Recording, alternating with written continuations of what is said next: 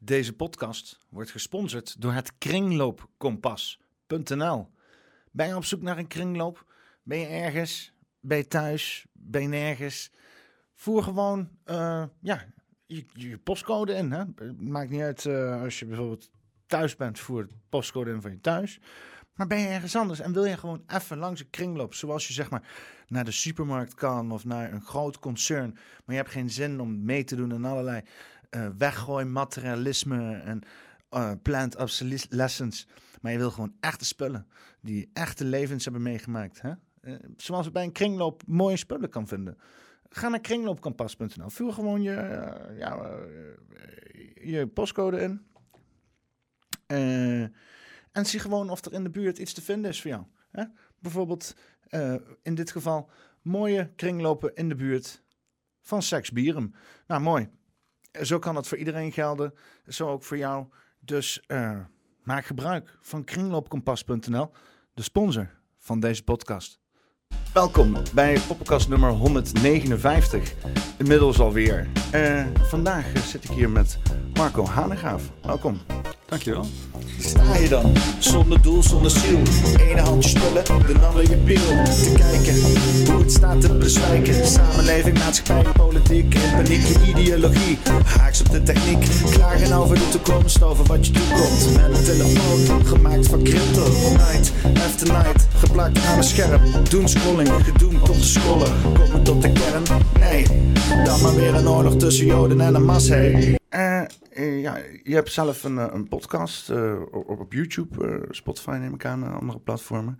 Ehm, eerste wat me opviel is dat het ja, toch wel enigszins een replica is, jouw studio in elk geval, van, van de YouTube, van de Joe Rogan Experience. Ja, dat klopt. Ik ben een grote fan, dus, dus ik, je had me meteen, zeg maar.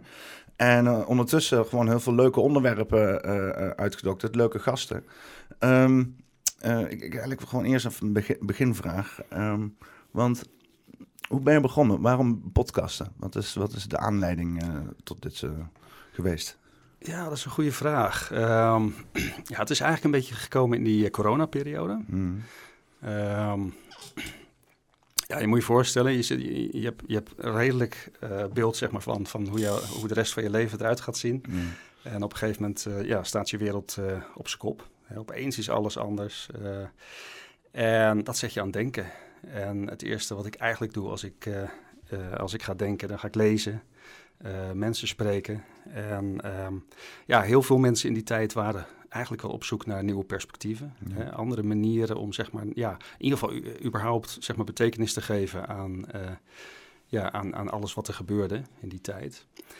En ehm, ja, ik had juist in die tijd, en zeker als je onder die druk staat, hè, van, uh, van die onzekerheid die er is, uh, had ik eigenlijk de beste gesprekken. Hè? Mensen die helemaal echt dat, uh, diep van binnenuit gewoon met hele nieuwe ideeën kwamen. Of, of, manieren zeg maar, om hier, hiermee om te gaan, om hierover na te denken. En dat waren fantastische gesprekken vaak. Hm. En ik denk, ja, waarom zou ik die gesprekken gewoon alleen zelf voeren? En zo is het een beetje ontstaan. Ja. Dat ik dacht van, hé, hey, dit, dit, dit zijn ook dingen waar, waar anderen ook ja, eigenlijk behoefte aan hebben. Ja, een gevoel om het te delen. Ja, ja zeker wel. Ja. En, en, en, en dan, want ja, je bent meteen gewoon vol erin gegaan, zeg maar. Meteen een vette studio gemaakt en uh, full dedication. Hoe is dat in zijn gang gegaan? Is dat, moet je aan iemand thuis uitleggen van, ik ga een studio bouwen? En, uh... Nee, het, het gekke is, ik heb eigenlijk nooit echt vanaf dag één gedacht van, het wordt meteen zo'n studio. Dat is ook een beetje gegroeid. Okay. Ik had een keer, een, vanuit een eerder project, had ik nog zo'n zo'n microfoon een goede, ehm, nou ja, uh, high quality microfoon. Ja. En ik dacht van ja, ik ga gewoon die microfoon gebruiken en, en met mijn mobiele telefoon of iets dergelijks uh, ja, de video opnemen. Um, maar toen had ik al gauw zoiets van, joh, nou ja, hè, dan moet ik nog zo'n microfoon kopen. Dus dan ga je er een beetje verdiepen. Dus toen werden er twee microfoons, maar dat werden wel twee nieuwe. En, um, en nou ja, de, voor de microfoon heb je ook zo'n arm nodig. Ja, zo'n hoe heet zo'n ding ook weer? Ja, zo'n- zo'n boom, eh, nog wat. Soms stond dit zo'n ding zo? Ja, zo'n ding. En ja, van het een kwam het ander. En het werd steeds groter en groter in mijn hoofd. En, eh, maar het is nooit echt van, van dag, vanaf dag één geweest van... joh, ik ga dit realiseren. Het is echt gegroeid ook in mijn, eh, in mijn hoofd. En het werd eigenlijk steeds groter. En ik vind het ook gewoon leuk om te doen. Ja. Ja, je had dus niet van, van wat het nu is. Hè? het ziet er gewoon heel strak en goed uit. Eh, en eh, eh, wordt uh, dat wel aardig leuk bekeken op YouTube en zo. Ja, had je dat verwacht vanaf het begin? Dat je, dat je zoiets had van, van dit- dit, aspireer ik? Of gewoon helemaal, helemaal niet? Of? Nee, nee, nee, het komt heel diep van binnenuit. Hè? Dus, dus het is echt eigenlijk ook een soort van, ehm, eh, ja, hoe moet je dat zeggen, zelf proberen eh, vat te krijgen op wat er allemaal gebeurt. Mm. En zelf, ja, gewoon nieuwe perspectieven zoeken. Eh, waarbij ik dan ook gewoon andere mensen meeneem. Hè? Dus, dus ik, ik wil dan wel een publiek opbouwen, maar eigenlijk is het ook gewoon een soort mijn eigen ehm, ja, pad van, van ontwikkeling. Ja. Dus Ik- ja, denk ook wel als je ergens instapt met niet te veel verwachtingen, dat je ook meer eh, eruit kan halen. Heb je dat idee ook? ja, eigenlijk wel. Ja, maar het moet gewoon heel erg diep van binnen uitkomen. Dat, Mm. dat is, ik bedoel, ik, ik heb meerdere dingen gedaan. Ehm, eh, dus ik, ik heb, wat is het, tien jaar geleden ook een keer een platform gehad. Het ging dan over meer over marketing en communicatie en dat soort zaken. Nee. En ja, daar ben ik in opgeleid en daar heb ik ook mijn, mijn baan in. Ik ben freelancer, zit in dat vak. Maar ergens is het toch niet passie. Toch is het niet, niet, niet echt. Hè? Bij wijze van spreken, je kunt me er niet s- eh, s s'nachts voor wakker maken. Ja. En En- je, je bent sowieso bezig met, met, met andermans ideeën de hele dag. Ja, dat, dat wel, natuurlijk. Ja. Maar, maar, maar het is, waar het even om gaat, is dat. Dus als, jij, als het niet van echt van, van binnenuit eh, komt, als je er niet echt heel warm voor wordt, dan, ja, dan kun je bouwen wat je wil en is het wel leuk, maar dan gaat het nooit iets worden, zeg maar. En bij mij is het echt, ja, of ik nou publiek heb of niet, ehm, ik doe dit toch wel. Ja.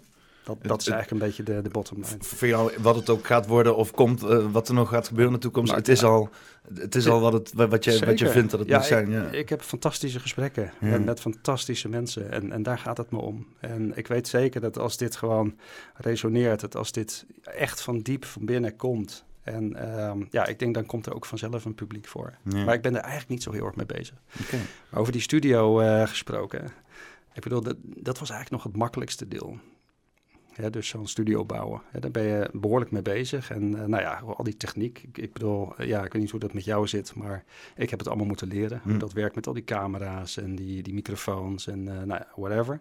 Eh, überhaupt het editen van, van, van de video's. Ik allemaal moeten Dus ervoor nooit geëdit of zo? Nee, eigenlijk niet. Ah, Daar was ik helemaal niet mee bezig. Ik ben Oh, van nature eigenlijk iemand die ook helemaal dat, ja, de, de, hoe zeg de bekendheid niet opzoekt. Hè? Dus ik, misschien toch wel wat verlegen, zeg maar, hè, van nature, als kind. Eigenlijk Mhm. altijd wel geweest. Ehm, dus op een gegeven moment had ik die studio staan. Toen heb ik ook een keer één eh, eerste video geschoten, één eerste podcast. En daarna is het zes maanden stil geweest. Oh. En dat was gewoon puur vanwege de schok. Gewoon, gewoon emotioneel, gewoon psychologisch. Dat ik, dat ik zoiets realiseerde van... oké, ik heb nu een studio en nu moet ik naar buiten. En dat ik echt zoiets heb van... wauw, waar ben ik aan begonnen? Dus dat hele psychologische proces was eigenlijk nog veel zwaarder dan, het, eh, ja, dan, dan de techniek. Nou, dan ben ik wel benieuwd. Dat je, eh, eh, hoe eh, ben je persoonlijk, want los van nog de onderwerpen en de informatie en kennis die je hebt ervaren, hoe, heb, hoe ben je perso- ben je- heb je persoonlijk ook nog een groei doorgemaakt de afgelopen tijd dan? Nou ja, eigenlijk wel dan. Hè? Dus, dus überhaupt het feit dat je naar buiten gaat. Hè? Dus dat je met je, nou ja, met je kop op, op, op YouTube staat. Mhm. Nou ja, dat, dat, dat doet wel wat met je. Hè? je moet, ik bedoel, je moet ook kunnen incasseren. Je zet een video online en nou, de meeste mensen zijn eh, heel enthousiast over die video. Maar ja, dan komt er ook, eh, weet ik veel, kritiek. En eh, het is allemaal onzin. En eh, dat dat überhaupt eh, uitgezonden mag worden Ja. en dat soort dingetjes.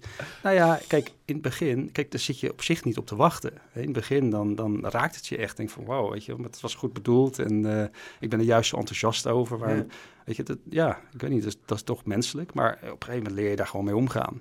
Dus het geeft je een dikkere huid eigenlijk. Ik vraag me toch altijd af wie die mensen zijn die inderdaad Ja. meteen grijpen naar, eh, waar- dit zou niet moeten mogen of zo. Ja. dit moet verboden worden of dat, ja, soort, dat soort dingen. Ja. Nou, ik, dan denk ik van, van hoe, ja, maar ja, ook van hoe denk je dat het in elkaar zit? Je kent er niet meer alles, ook gewoon spraak, hè? Dat is gewoon, mensen die dan zelf vanuit hunzelf zeggen, oh, die spraak moet verboden worden. Dat het alsnog, je Ja. ziet dat het op, op, op internet, dat, dat mensen daar best makkelijk naar grijpen, zeg maar. Ja. Ik vind het af en toe best wel, dat ik denk van, ik hoop niet dat het al te veel mensen zijn, maar... Voor je het weet, dan... eh, ja, nou ja, ze zijn natuurlijk al bezig, hè, overal. eh. Censuur en Ja, dat soort dingen. Ja, Ja, maar ja. allerlei uitspraken van eh, transnationale organisaties die zeggen van oh, we moeten misinformatie gaan voorkomen. En dan ga ik kijken van wat definiëren ze als misinformatie. En dan denk ik van ja, het is behoorlijk containerbegrippen en zo. Ja. Ja. Ja, ja, wat zit daarachter? Ja, kijk, weet je wat het is? Ehm, het, dat mantra van conspiracy, Mhm. hè, waar, waar, waar, het eigenlijk om gaat natuurlijk. Hè, dus eh, dat wordt natuurlijk heel vaak eh, gezegd. Hè, dus zeker als je een beetje buiten het westerse eh, denken om, om beweegt, dan, dan krijg je natuurlijk al gauw zoiets van... ehm, van nou ja, het is onzin, of het wordt geridiculiseerd, of het is conspiracy, of, of dat soort zaken. Maar weet je, ergens ben ik daar niet zo bang voor. Hè? Dus, dus op een, een of andere manier heb ik het idee dat mensen het idee hebben dat als zij iets lezen wat dan zogenaamd niet waar zou zijn, dat ze dat dan ook meteen moeten geloven. Ja, dat, en, en- nee, maar dat, dat is eigenlijk heel gek. Ja. Want ik bedoel, zo werkt het niet. Ik bedoel, er zijn duizenden dingen. Ik bedoel, ik- ja, ik, ik lees heel veel, ik, ik, ik kijk heel veel YouTube vooral ook. Er zijn duizenden dingen die ik zie, in me opneem, maar ook niet meteen geloof. Dus het hoeft, je hoeft dingen ook niet meteen te geloven. Je kunt het ook opslaan met gewoon vraagteken. Weet ik veel, noem, noem een voorbeeld waarvan ik absoluut niet weet of het wel of niet zo is. En waarvan ik wel weet dat er hele discussies zijn. Ja, noem eens wat, eh, de maanlanding, is die wel of niet, heeft die niet plaatsgevonden? I don't know. Nou, maar ik lees daar dingen over. Dat sla ik op in mijn hoofd. En dat is heel, met een heel groot vraagteken eroverheen. En hoe dat dan bij mij verder gaat, is dan, dan nou ja, daarna dan lees ik weer andere dingetjes. En, en die andere feiten, die kunnen het dan eh, aannemelijker of minder aannemelijk maken. Maar dat vraagteken blijft er voorlopig gewoon op staan. ja. Weet je, zo werkt dat bij mij. Dus ik ben er niet zo bang voor. Ik heb zoiets van, joh, ik sla het gewoon op. En ik, ik zie wel wat ik in de, in de toekomst ja, aan, aan andere bewijzen of, of bewijzen van het tegenovergestelde zie. En, en daarmee worden dingen aannemelijker of minder aannemelijk. Ja. Ja, want ik zie het altijd zo. Ik vond het ook heel vreemd eh, met de hele pandemie en zo, dat in één keer eh, complotdenken een soort van eh, gevaar was. Want ik, ik dacht Ja. juist van het begin van, juist de complotdenkers nodig. Hè? Dat, Ja. In mijn idee is, is het, het denken in complotten, het, zoals, ik, zoals ik het zie, is je, je moet achter elke, vooral een grote wereldgebeurtenis en ook zelfs op nationaal gebeurtenis, omdat het allemaal zo'n groot spel is, gewoon echt geforceerd gaan zoeken naar wat is het alternatieve scenario op wat we gevoed krijgen Ja. en dan daartussenin gaan zitten Ja, eh, pingelen om uit te vogelen van wat voelt het meest waar, waarheidsgetrouw. In ieder geval zo werkt dat. Maar dan moet je in de eerste stap echt gewoon een complot gaan bedenken of, of gaan zoeken of Ja. hè, gaan kijken van oh, wat zullen de alternatieve theo of eh, hoe noem je dat, de alternatieve incentives hierachter ja zijn. precies. Ja. En eh, ja, dat dat meteen de kop in werd gedrukt, dacht ik wel van oh, dat is wel is wel vreemd. Het is heel, dat is wat je juist niet zou moeten doen. Het, het getuigt wel echt naar dat ze, dat ze echt niet willen dat we vrije, vrije discussie gaan voeren of zo. Dat, dat moet allemaal heel erg in een, in een keurslijf eh, ge- gegoten worden. Ja. Het is inmiddels iets losser weer. Dus, dus je merkt echt van, nou ja, als er een beetje crisis is, dan worden meteen de teugels aangetrokken. Je ziet het ook met die oorlogen en zo. Dan eh, wordt er in een bepaald eh, gebied, waar, of woorden worden dan even in één keer helemaal aangetrokken of zo. Maar het is, ja, het, het, het, is, het wordt niet, eh, het is voor de gevestigde orde of zo, hoe je dat wil, wil noemen, is het, lijkt het niet heel erg gunstig dat mensen gaan zoeken naar een, een eigen eh, verhaal, zeg maar. Die, ze, moet echt opgelegd worden. Ja. Ja. Ja, nee, maar dat, ja, tuurlijk. Ik bedoel, er zijn natuurlijk altijd eh, belangen. En, en iedereen heeft eigen belangen. Dus, dus soms komt dat misschien niet uit hè, als iets gezegd wordt. En eh, ja, dat kan ik me heel goed voorstellen. Nee, ik, maar, maar precies wat jij zegt. Ik denk dat het juist een, een teken is van eh, kwaliteit. Zowel voor wetenschap, hè, want wetenschap werkt ook zo. En dus eigenlijk met wetenschap ben je eigenlijk continu bezig om... eh, althans, hè, dat, dat zou de ideale wetenschap zijn dat je continu bezig bent om jouw eigen theorie te falsificeren. Ja. Dat is eigenlijk de drive die je hebt. Hè. Dus je hebt een theorie, daar kan je heel erg in geloven. En er zijn natuurlijk altijd heel veel feiten eh, te vinden die jouw theorie bevestigen. Maar kun jij van jouw eigen theorie ook zeggen van, eh, van joh, als dat en dat en dat aangetoond wordt, hè, dan, eh, dan klopt mijn theorie niet. Hè, dus, je, dus nou ja, en dat is voor heel veel wetenschappers al best wel een probleem. Hè, die zijn continu bezig alleen, alleen maar om een theorie te bevestigen. Ja, ja. Maar, die, maar dat openstaan, zeg maar, voor andere ideeën, openstaan voor andere theorieën, gewoon, gewoon continu bezig zijn met het idee van, joh, oké, het lijkt heel erg te kloppen wat ik denk, maar, ehm, nou ja, hè, het hoeft niet. Het kan zo zijn dat er andere feiten komen of andere dingetjes komen die mijn theorie ontkrachten. Ja, dat, dat is denk ik een teken van, van wetenschap. Dus ook daar, en, en hetzelfde zou eigenlijk moeten gelden voor de journalistiek. Ja. Ja, continu openstaan, openstaan. Dus ehm, bezig zijn met conspiracy-theorieën, samensweringstheorieën, is volgens mij juist een teken van kwaliteit. Ja. Dus zowel van journalist als een wetenschapper. En je hoeft echt niet alles te geloven. Precies wat ik net zeg. Neem het op, onderzoek het, zet er een vraagteken boven en ga kijken van ja, wordt het aannemelijk of minder aannemelijk naarmate ik verder onderzoek doe.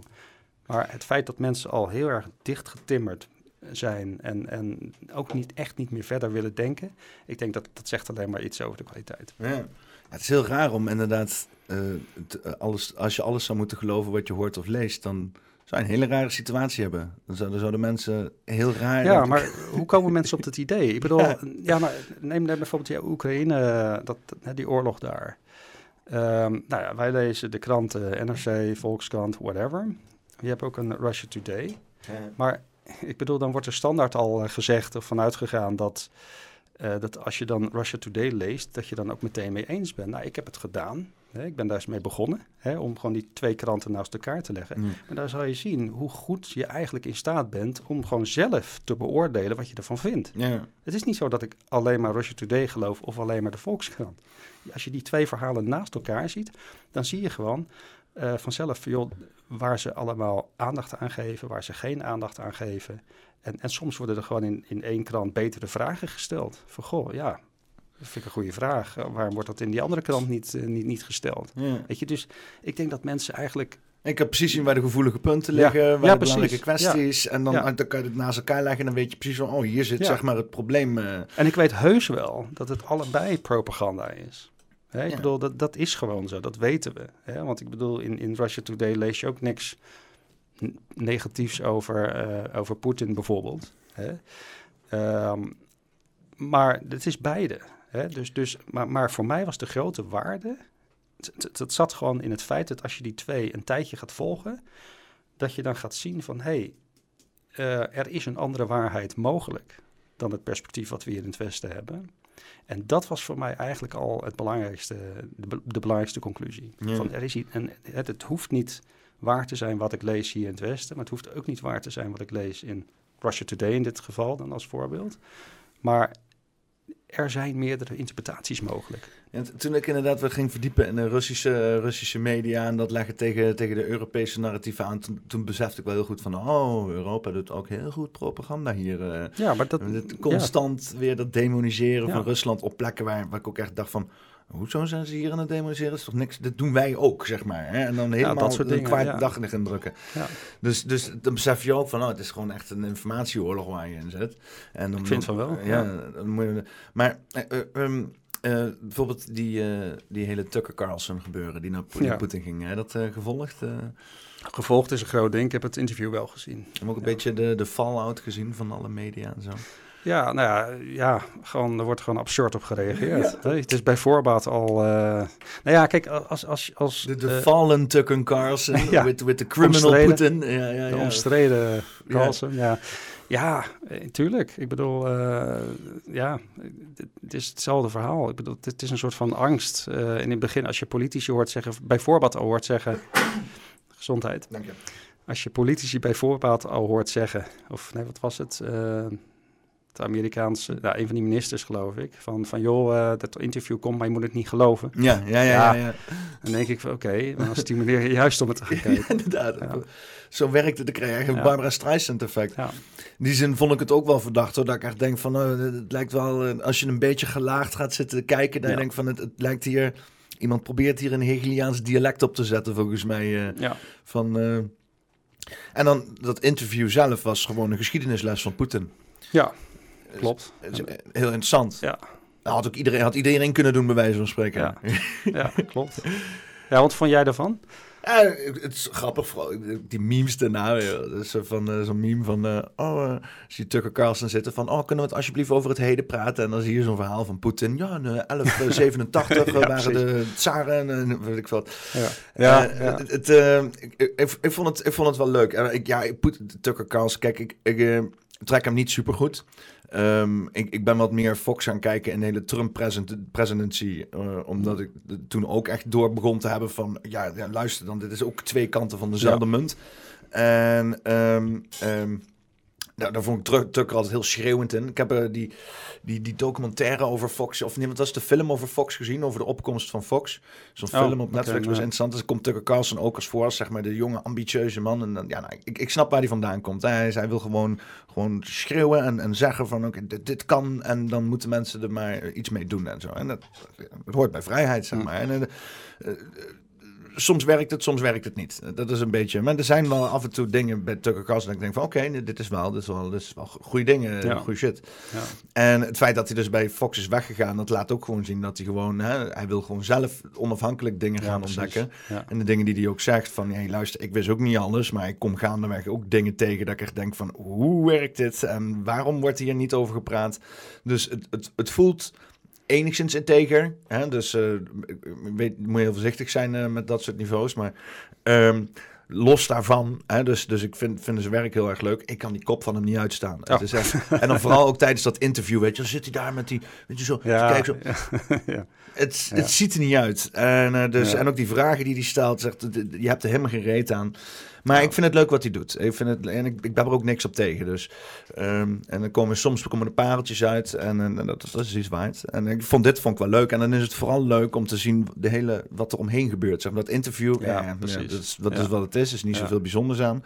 Klein tafeltje was ook leuk. Normaal zit hij aan een grote tafel met Macron en met alle wereldleiders. Een immens grote tafel en dan Ja. heel klein tafeltje.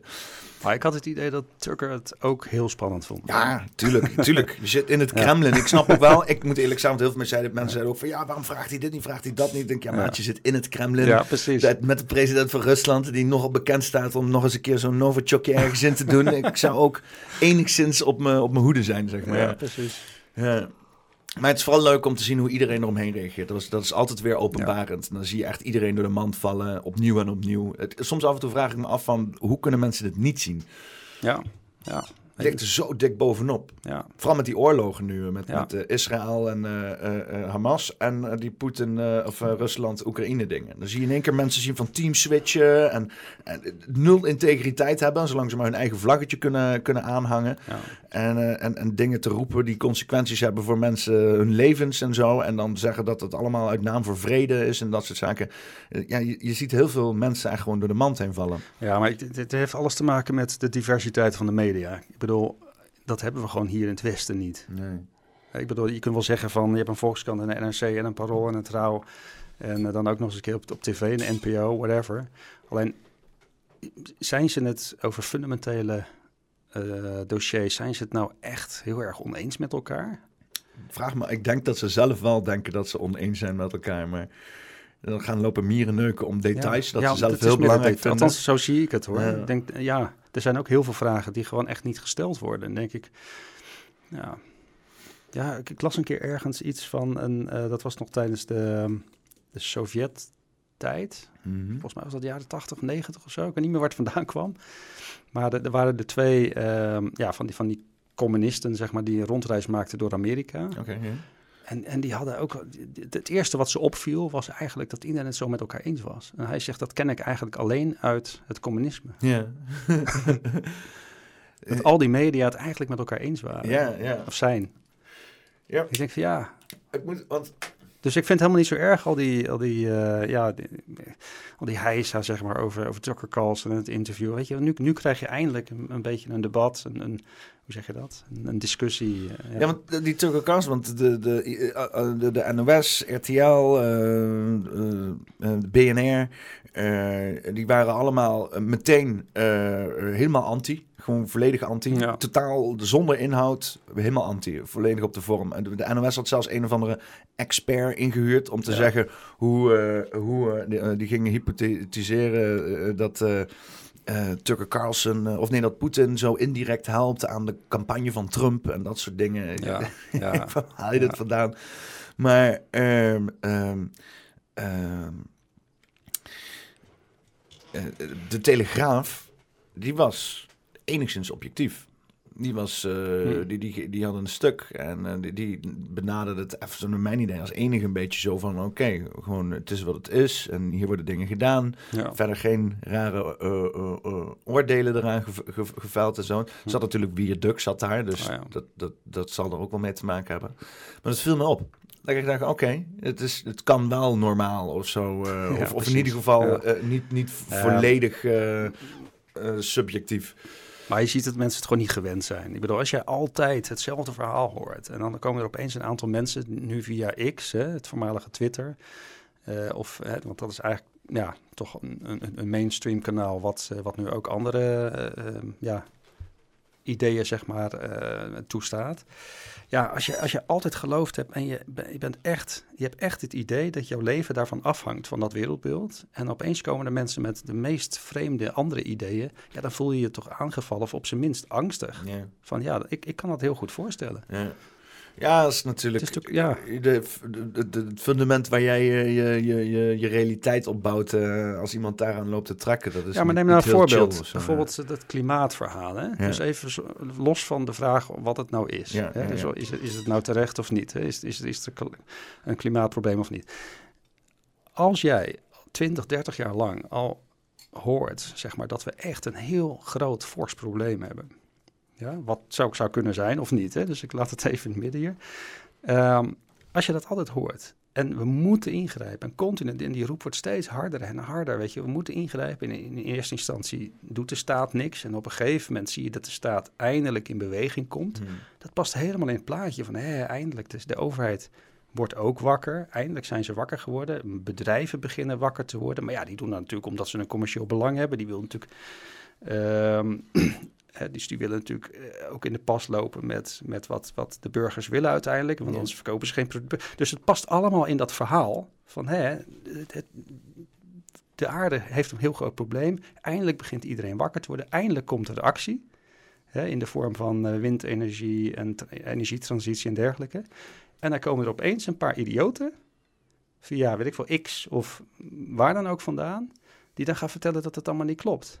Dan kan ik me voorstellen dat mensen zich bedreigd voelen. Tuurlijk voelen ze zich bedreigd. Want als je echt, ik bedoel, ik ken mensen die, die ook, nou ja, die, hebben, die, die zeiden gewoon letterlijk van, "Ja, ik zie het gewoon niet meer zitten, het leven.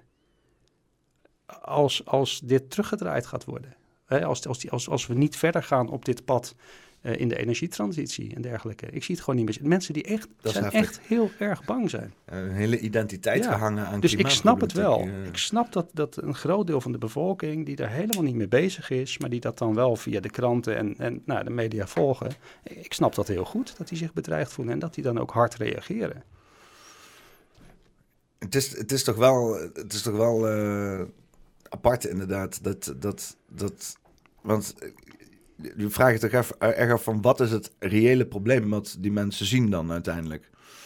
Nee, maar ja, oké, maar dat is, dat- ja, dat klopt. ja. Nee, nee, je ziet natuurlijk niks. Nee. Het enige wat je ziet is dat het een keer regent. En, maar dan is het de krant die jou vertelt dat het komt vanwege het klimaat. Ja. Dus, ja, dus enige wat je ziet je is, is berichtgeving eh, op media. Ja, Dat is uiteindelijk... Media is natuurlijk alles. En, en ja, ja dat is niks in jouw directe omgeving wat, wat bewijst of laat zien dat klimaatverandering eh, Ja. gaande is. Ik denk dat het sowieso slim is als je een persoon bent die eh, eh, zijn volledige redenering heeft gehaald uit externe factoren, dan wel niet media of misschien ook boeken, artikels, dat soort zaken. Om dat echt heftig te leggen tegen je eigen ervaringen, zeg maar. Om echt, echt sterk Ja. na te denken. Want, maar ik, ik snap ook wel dat, want ik had het ook met mijn vader en dan liepen naar buiten en dan regende het. En dan zegt hij van, oh ja, dan moeten we maar eh, aan wennen, hè, natte winters. Want de klimaatverandering. En ik denk, Nederland is het natste land ergens. De, de is, we hebben hier altijd natte Ja, dat, bedoel ik, dat bedoel ik. Dus de- ja, dat bedoel ik. En ik denk dat klimaatverandering echt wel gaande is. Ik bedoel, dat is ook feitelijk te zien. Alleen de vraag, het grote... is ook de bedoeling dat het klimaat verandert. Ja, hè? dat, Het verandert het altijd. Stilstaat. Ja, dus volgens mij is dat het punt niet. Hè, dus, dus ik denk dat iedereen wel gelooft in klimaatverandering. Alleen de, het grote heikele punt is natuurlijk van... ja, komt dat door de mens of niet? En, Eigenlijk en- zou dat ook niet eens uit moeten maken. Je zou moeten zeggen, is het een probleem? Ja. Is het een probleem dat het Ja. klimaat verandert? Ja, en nou ja, er, is, er is dan wel heel veel mensen die dan eh, allerlei rekenkrachten op loslaten om voorspellingen te doen over dat lijntje dat dan steeds stijger, sneller gaat lopen. Ehm, maar ja, daar zijn dus inderdaad heel veel kanttekeningen op te vinden. Want elk Ja. jaar dat het weer gaat, blijft dat lijntje lineairder te zijn dan dat ze dachten. Sterker nog, de afgelopen drie, vier jaar is zelfs een afname in de, in de, in de toename van warmte. Dus elke keer werd het 0,1 graden warmer. En nu wordt het dus 0,1 graden kouder, zeg maar. Eh, of ten opzichte van het jaar ervoor. Dus ja, de, de, de- ja ik, Nee, heb ook, ik heb ook wel het idee dat nu, zeg maar, dat hele klimaatretoriek, dat dat echt een einde loopt. En dan blijf je dus over met een heel zootje mensen, precies wat jij beschrijft, die hun identiteit daaraan hebben vastgemaakt. Die gaan echt Nou ja, ja, precies. zijn. Ja, ja, maar ik, ik denk, en dat komt natuurlijk omdat er nu andere perspectieven komen. Hè? Dus er, er komt tegengas. En er is veel mensen die hebben zoiets van, oh, wacht eens even, dat wist ik helemaal niet. Hmm. Hè, dus ik bedoel, er zijn natuurlijk heel veel echte experts, hè, dus die, die wel degelijk weten waar ze het over hebben. En die met een heel andere verklaring komen of een heel ander verhaal eromheen.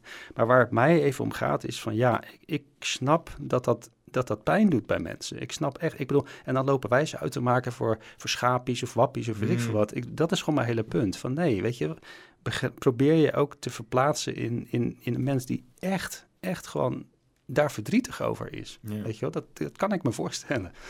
En, en we moeten gewoon een beetje af van dat polariseren daarin. Heel veel eh, draait daar wel om. Hè. Ik zie dat online, zie ik dat heel veel. Ja, het is allemaal de, is- de ander dit. De en- ander, dat is het hele verhaal. Ja. Ja, zo sta ik daarin. Hoor. Ik denk van... van Nee, ja, ik, ik, heb, ik heb dat zelf ook heel erg. Ik probeer ook echt elk onderwerp wat ik heb. En vooral, want natuurlijk, eh, ik ben ook soort van eh, deze podcast geboren uit de hele pandemie en zo. En eh, nou, Ja. er was meteen één grote kamp gezet. Ik ben letterlijk van kamp gewisseld. Van pro-vaccinatie naar anti-vaccinatie. Want, en dat was ik, en ik besefte me dat ik aan de pro-vaccinatiekant zat, omdat ik er nog nooit over na had gedacht. Ah, ja. Dus toen ging ik erover nadenken en dan ben ik, nu zit ik aan de antivaccinatiekant. Ook, ik weet niet of dat ook terecht is, want hè, nu begint het ook weer te leven van, oh ja, maar nu zitten we in een maatschappij waar niemand zich gaat vaccineren. En eh, ik heb nooit per se problemen gehad met andere vaccinaties, alleen wat de afgelopen tijd is gebeurd, dat, dat heeft, Ja. heeft mijn, mijn vertrouwen in die organisaties die dat allemaal organiseren zo geschaad, dat eerst hun daarvan terug moeten komen in mijn beleving, wil ik daar weer Ja, ruimte of acceptatie Ja, voor krijgen. En ehm, hoe ze dat gaan doen, moeten ze mezelf uitzoeken. Ehm, maar het kan best zijn dat ik eh, nooit meer een vaccinatie zet. Ik zeg niet dat dat misschien... eh, eh, tijd zal het zich vertellen. Ehm, maar da- daar heb ik dus zelf ook die switch gemaakt. Waarbij ik dus ook heb beleefd hoe het was om inderdaad eh, te kijken naar waar ik nu sta. Naar mezelf. Hè? Dus, want ik, in het begin van die pandemie zag ik dus ook alle antivaxers. Zag ik ook als stelletje maloten die niet wisten hoe het werkte. Hè? Ja. En eh, dan ik van ja, maar hun snappen het niet. Hun, hun hebben niet de wetenschap gekeken en dat soort dingen. En toen ging ik zelf naar de wetenschap kijken en denk van oh wacht even, nee, ik had niet naar de wetenschap Ja. gekeken. En eh, ehm, dus ik, ik, ik, heb dat, ik probeer daar inderdaad heel voorzichtig mee te zijn. Ja, soms laat je wel eens meeslepen hoor. Als je Nee, maar dat is ook zo. die, alleen, eh, alleen, ja, ik, ik denk dat het juist eh, in mijn eigen podcast ehm, probeer ik ook gewoon ehm, een beetje uit die polarisatie te blijven. Hmm. Dus politiek, weet je, kijk, wat ik eigenlijk altijd zeg is, ik, ik wil het niet hebben over onderwerpen die mensen verdelen, hè, maar eigenlijk, ja, ja, wat mensen verbindt. ja. Want er is altijd verbinding. Ik bedoel, we zijn allemaal mensen, we zitten allemaal hier op deze planeet. We hebben allemaal onze angsten en onze, onze blijdschap, hè, maar onze angsten ook. Dat kennen we allemaal. Zij zijn heel bang eh, over klimaat. Nou, ja, ik persoonlijk dan niet. Hè, dus, maar ik heb weer mijn eigen angsten. Weet Ja. je, laten we begrip hebben voor elkaar en laten we kijken van waar, wa- ja, Waar ben jij bang voor? waar ik bang voor ben. Ja. Ja, dat is een goede vraag. ik ben niet heel bang uitgevallen, maar Ja, want het einde van de wereld wordt in verschillende maten gepropageerd natuurlijk. Hè? Niet alleen maar klimaat. eh, Ja, dat, is, dat- ja, dat klopt. Ja, het is van alle tijden. Ja, dus, dus elke generatie heeft zijn eigen, eh, ja, hoe noemen ze dat? Eschatologie of zo. Dat is, dat is, elke, elke generatie heeft zijn eigen ehm, ehm, ondergangsverhaal. Ja, apocalypse. Nee, we, we hebben, we hebben Ja. een heel buffet nou. Het Ja. financiële einde, de, de, de CME Ja, zonnestraling. maar klimaat, klimaat is natuurlijk het Uber-verhaal, want dan, dat is echt gewoon fysiek de wereld vergaat. Ja, was een beetje het idee. Ja, ja. Nou, toch zijn ze altijd heel onduidelijk over hoe dat er precies uitziet. Hè? Vliegen we in de fik? Krijgen we overstromingen? Eh, Wat is, nou ja, de overstromingen zijn wel het duidelijkst. De, de, de, de ijsbeer op de smeltende Ja. rots. Dat is, eh, eh, ik zie me dan voor me dat er dan zeg maar zo'n grote brok ijs zo Nederland binnen schuift met zo'n Ja. ijsbeer erop zo, die een beetje zielig kijkt. En dat ze dan met z'n allen zo moeten wegrennen voor de ijsgods. Ehm, maar eh, eh, eh, je hebt heel veel reële dingen, zoals inderdaad dat de hele economie klapt, dat Ja. er een, een zonne een coronal eh, mass ejection is en dat alle elektriciteitsnet eraf klapt. Of de, Eh, weer een pandemie. Ja, nou allemaal dood? Ja, een echte, een echte pandemie met, met, met, met, met een levensgevaarlijk virus. Wat trouwens niet eens echt kan, hè? want een, goed virus, succesvolle virus, heeft een host nodig die die in leven houdt. Mm. Dus zoals ebola zou nooit echt een goede pandemie worden, want die maakt zijn host meteen dood. Dus Oh, dat- dat- het. Is, maar ja, eh, eh, een, whatever. Dus er kunnen heel veel dingen gebeuren. Maatschappelijke chaos, burgeroorlog. je hebt allerlei dingen die gebeuren waar je angstig voor kan zijn. Heb, je, heb je niet dingen waar je huiverig voor bent, waar, waar, waar je naar kijkt en zoiets hebt van, nou, als dat maar goed gaat. Nou, kijk, je hebt natuurlijk wel een gezonde spanning. Hè? Ik bedoel, je, je weet natuurlijk, wat ik al zei, in 2019 had ik nog een redelijk beeld van hoe mijn leven eruit zou zien. Eh, maar ja, het is natuurlijk allemaal onzeker van wat gaat er gebeuren. Ik bedoel, je hebt natuurlijk eh, die hele dreiging nu in het Midden-Oosten, Oekraïne. ehm, nou ja, wat, wat iedereen natuurlijk roept van we staan aan de vooravond van een derde wereldoorlog. Ja. Maar op zich, ook daar ben ik niet heel bang voor.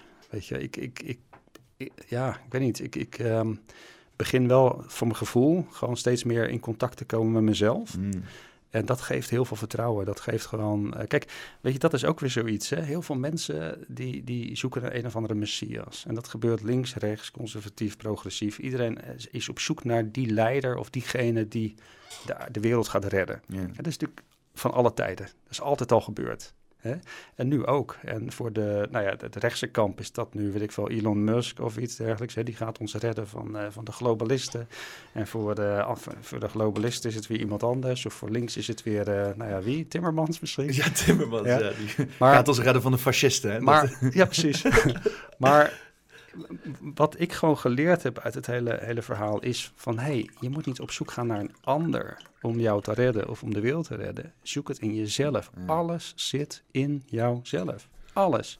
En, en ook van, weet je, ga een... Dat wordt ook wel eens gezegd, hè, van, van we moeten mensen helpen om, om, om richting te kiezen, zeg maar. Hè, om het goede pad op te gaan en, en de, de juiste... Nee, ik ben zelfs van mening dat dat nog niet eens hoeft. Op het moment dat jij echt in contact bent met wie jij zelf bent, diep van binnen, hè, dan vind je die richting vanzelf. Dan weet jij welke kant je op moet. Dat zit allemaal in jouzelf. En dat is, dat is eigenlijk, ja, ook wat ik in mijn eigen podcast, hè, in die gesprekken die ik daar voer, dat is eigenlijk gewoon de gemene de- deler, de rode draad die ik daaruit op- opmaak. Ja. Hè, van alles zit in jouzelf. Mensen hebben geen idee wie zij zijn als mens. Er is zoveel meer mogelijk. We zijn zoveel krachtiger, zoveel mooier en, en rijker van binnen en, en van buiten dan, dan dat we zelf beseffen. Het zit allemaal besloten in jezelf. Het enige is, wij zijn in het Westen vooral niet meer in contact met onszelf. Nee. Op het moment dat jij alleen maar in die, die rationele wereld zit, dus, dus eh, in, in die wereld waarin je ervan uitgaat, zeg maar, dat het enige, de enige realiteit die er is, dat is de materie. En, en, en alles wat eh, niet materieel is, zoals je gedachten, je, je dromen of spirituele ervaringen en dergelijke, dat dat allemaal ja, gewoon, gewoon een soort van gereduceerd wordt tot, eh, tot illusie. Kijk, als je dat wereldbeeld aanhangt, ja, dan kan ik me voorstellen dat je heel angstig bent, omdat je dan, dan, dan, dan ben je niet in contact met jezelf, dan, eh, dan heb je geen grip op wat er gebeurt. Ja. Dan gebeurt er van alles, alleen je loopt continu, je loopt continu achter de feiten aan. Je hebt geen idee, ja, wat, wat ja, die samenhang is zeg zeg maar, tussen, tussen dingen. Je leeft dan puur reactionair op wat je overkomt. en Ja, zo, dat is het meer. En terwijl wat ik geleerd heb, en ik heb er zelf, kijk, mijn podcast gaat ook niet alleen over kennisoverdracht. Het is, ik, ik laat me uitdagen in mijn kennis, maar ook in mijn ervaringen. Als je bijvoorbeeld, weet ik, bijvoorbeeld ayahuasca, heb ik ook een eh, podcast over gedaan. Mm. Ja, dat is een, zo'n psychedelisch, eh, ja, een thee eigenlijk uit Brazilië. Nou ja, weet je, als je, als je dat, als je die ervaring hebt en je neemt dat, en eh, dan die wereld waar je in zit, het is ongelooflijk wat je meemaakt. Het is echt bizar. Wat heb je allemaal gezien? Ja, van alles. Maar ik bedoel, dan, daar kan ik wel even over uitweiden. Maar het hele idee is, dan, dan, dan, wordt, dan, dan krijgt die, die, die spirituele dimensie eigenlijk steeds meer, steeds meer betekenis. Dan, dan ga je op een gegeven moment gaan die ogen een beetje open. En je denkt van, hé, hey, weet je, die materie is niet het enige wat er is. Hm. er is meer. We hebben het misschien in het Westen drie, vierhonderd jaar lang niet meer willen zien. Maar we hebben het altijd geloofd.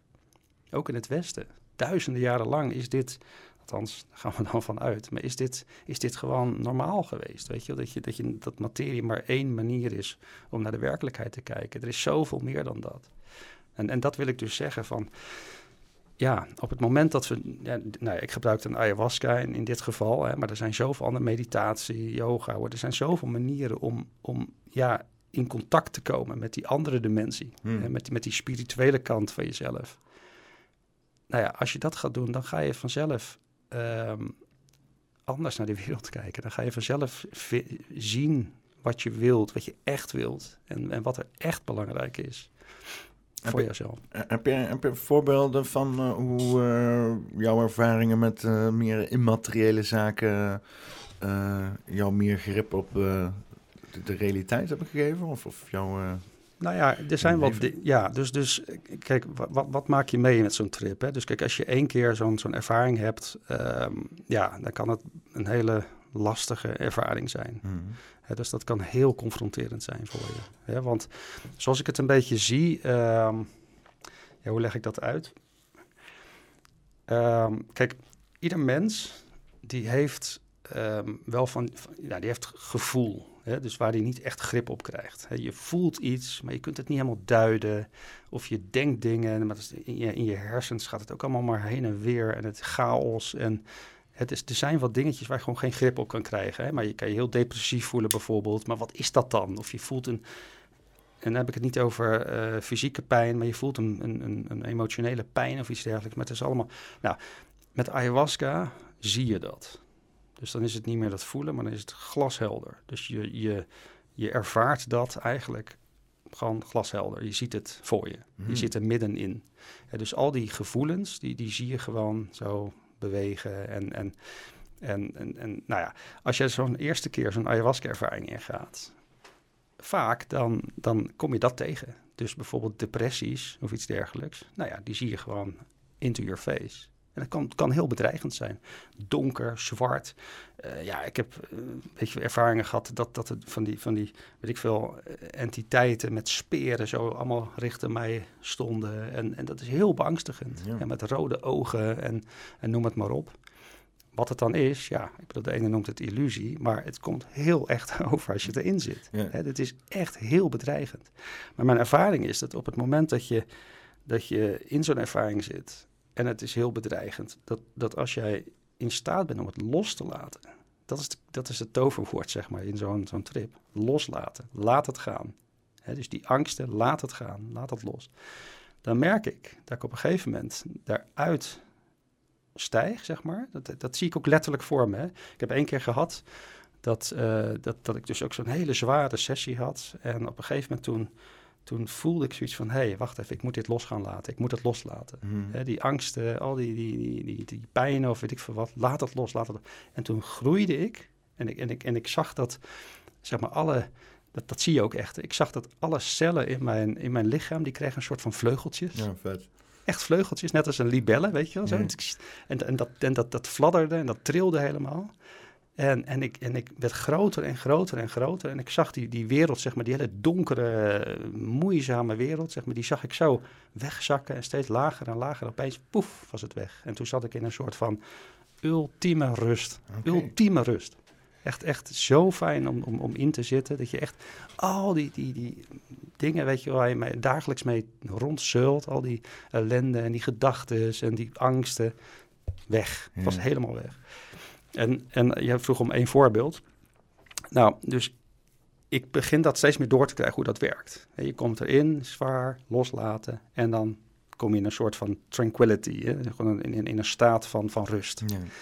En ik had dus bijvoorbeeld ooit een iemand die, um, ja, die was out of nowhere opeens gewoon heel boos op mij en er zou allemaal niks meer kloppen. En, en dat was echt best wel bedreigend. En uh, ja, dat, toen had ik echt zoiets van, wat, wat, wat, wat is hier aan de hand, weet je wel? Want voor mijn gevoel was er helemaal niks gebeurd. Maar ik kreeg allemaal uh, appjes en whatever. En toen dacht ik van, hé, hey, op dit menselijke niveau, zeg maar, heb ik geen contact. Kan ik dit niet, niet zomaar fixen, zeg maar. Hè, dat, was echt heel lastig. En toen ben ik in zo'n trip gegaan. Toen ben ik uit die, uit die, die lagere, ja, dat klinkt allemaal heel vaag, ik weet het. Nee, uh, Uit die lagere laag ben ik om, in, in die rust gekomen. En toen ben ik op dat niveau, ben ik eens gaan, gaan, gaan kijken van, van, hey, kan ik op dat niveau, in die rust, uh, ik noem het maar even die hogere frequenties, want zo voelde het. Hè. Ik voelde echt die frequentie omhoog gaan. Mhm. Toen ben ik eens uh, gaan uitreiken, zeg maar, naar die persoon.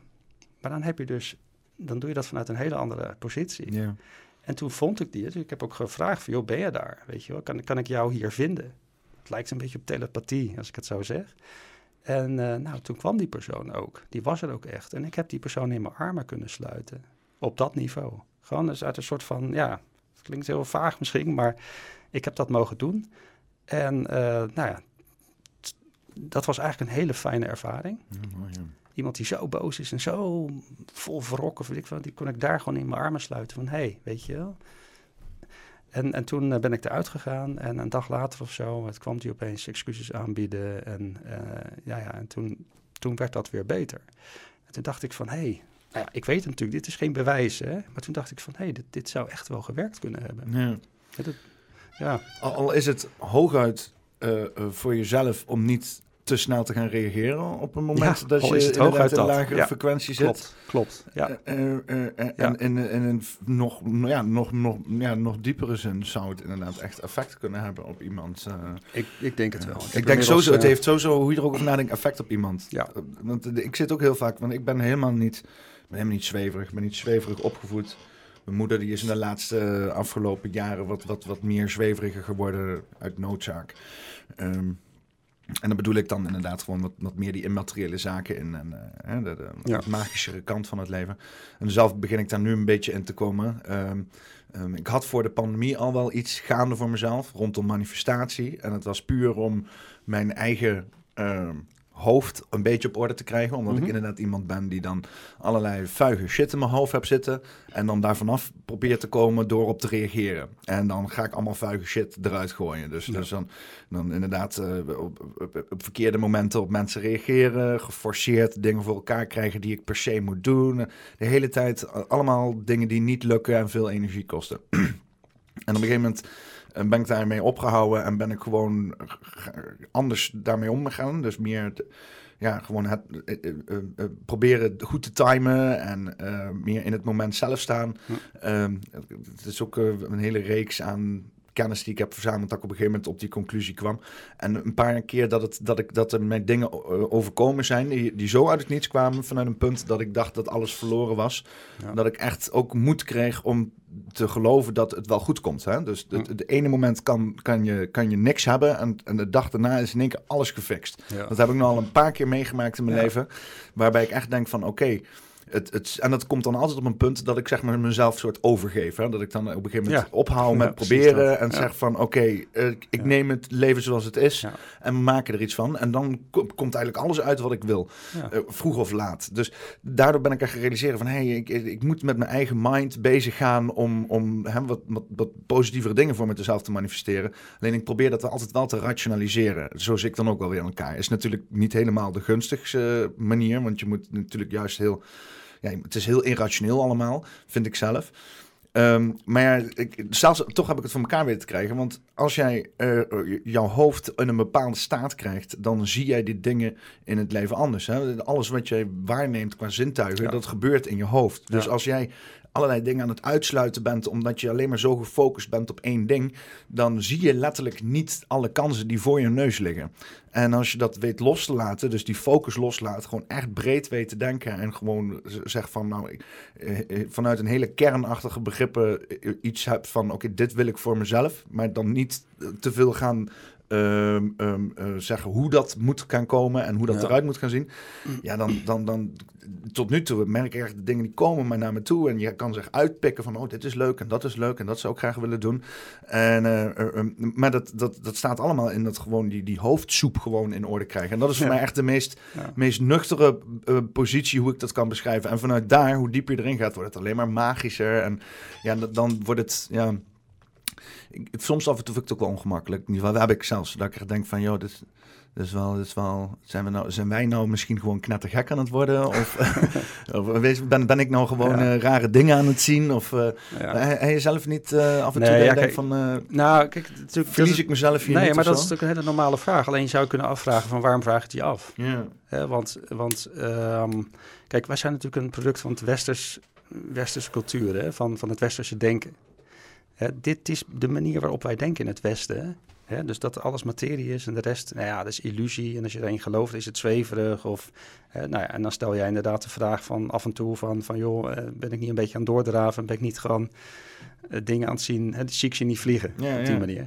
Maar dat is gewoon puur, een, een- dat, dat doen we omdat wij westers zijn opgevoed. Want als je in andere culturen gaat kijken, is dat helemaal geen issue. Dan, dan is dat gewoon de normaalste zaak van de wereld. Dat als jij eh, overlijdt, dat je, of, of nou ja, dat, je, dat jij ook met je, je voorouders te maken hebt, die al lang overleden zijn. En ik heb, ik heb een podcast gedaan, ook toevallig dan over ayahuasca, Mm. met een, ehm, een godsdienstfilosoof. En hij heeft geprobeerd om eh, ayahuasca eigenlijk, de ayahuasca-ervaring, eh, als een religieuze ervaring, ehm, ook te zien zeg maar, vanuit de huidige filosofie. Oké. En dat is echt heel interessant. Hij, hij doet het dan aan de hand van eh, Bruno Latour. Dat is een, eh, ja, voor de meeste mensen niet heel bekende filosoof. hè. Iedereen kent Nietzsche waarschijnlijk. Maar Bruno Latour is dan toch, nou ja, eh, maar binnen de filosofengemeenschap is hij wel heel bekend en heel invloedrijk. Hij is, ik denk twee jaar geleden of iets overleden.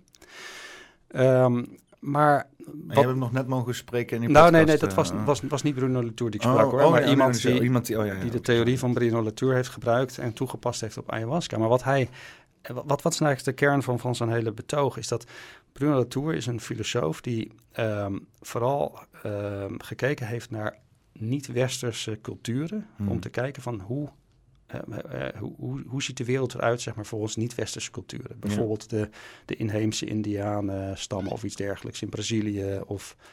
eh, of, ehm, nou ja, noem het maar op, Afrika, de Aboriginals, whatever. En wat hij eigenlijk, wa- wat hij doet, is, is hij kijkt van, joh, hoe zien zij de wereld? Hoe zien wij dat in het Westen en wat kunnen we daarvan leren? En, en wat zijn conclusie is, van dat onze, eh, ons beeld zeg maar, van de werkelijkheid veel te star is in Ja. het Westen. Want die andere culturen zijn veel flexibeler. Hè? Dus die, daarin kan ook een voorouder een hele grote rol spelen in jouw leven. Hè? Hartstikke echt zijn. Hè? Die, die voorouder is al lang overleden, maar die, heeft echt, die, die is er echt. Daar ben je echt mee in contact. Maar ehm, dat is niet echt in de zin van tafels en stoelen. Hè? Dus, dus, dus bij ons moet het echt, echt zijn in, de zin van tafels en stoelen. Of het is illusie. Dat zijn, wij hebben maar twee smaken eigenlijk in het Westen. Ja. Maar daar kan het op een, op een heel andere manier ook waar zijn.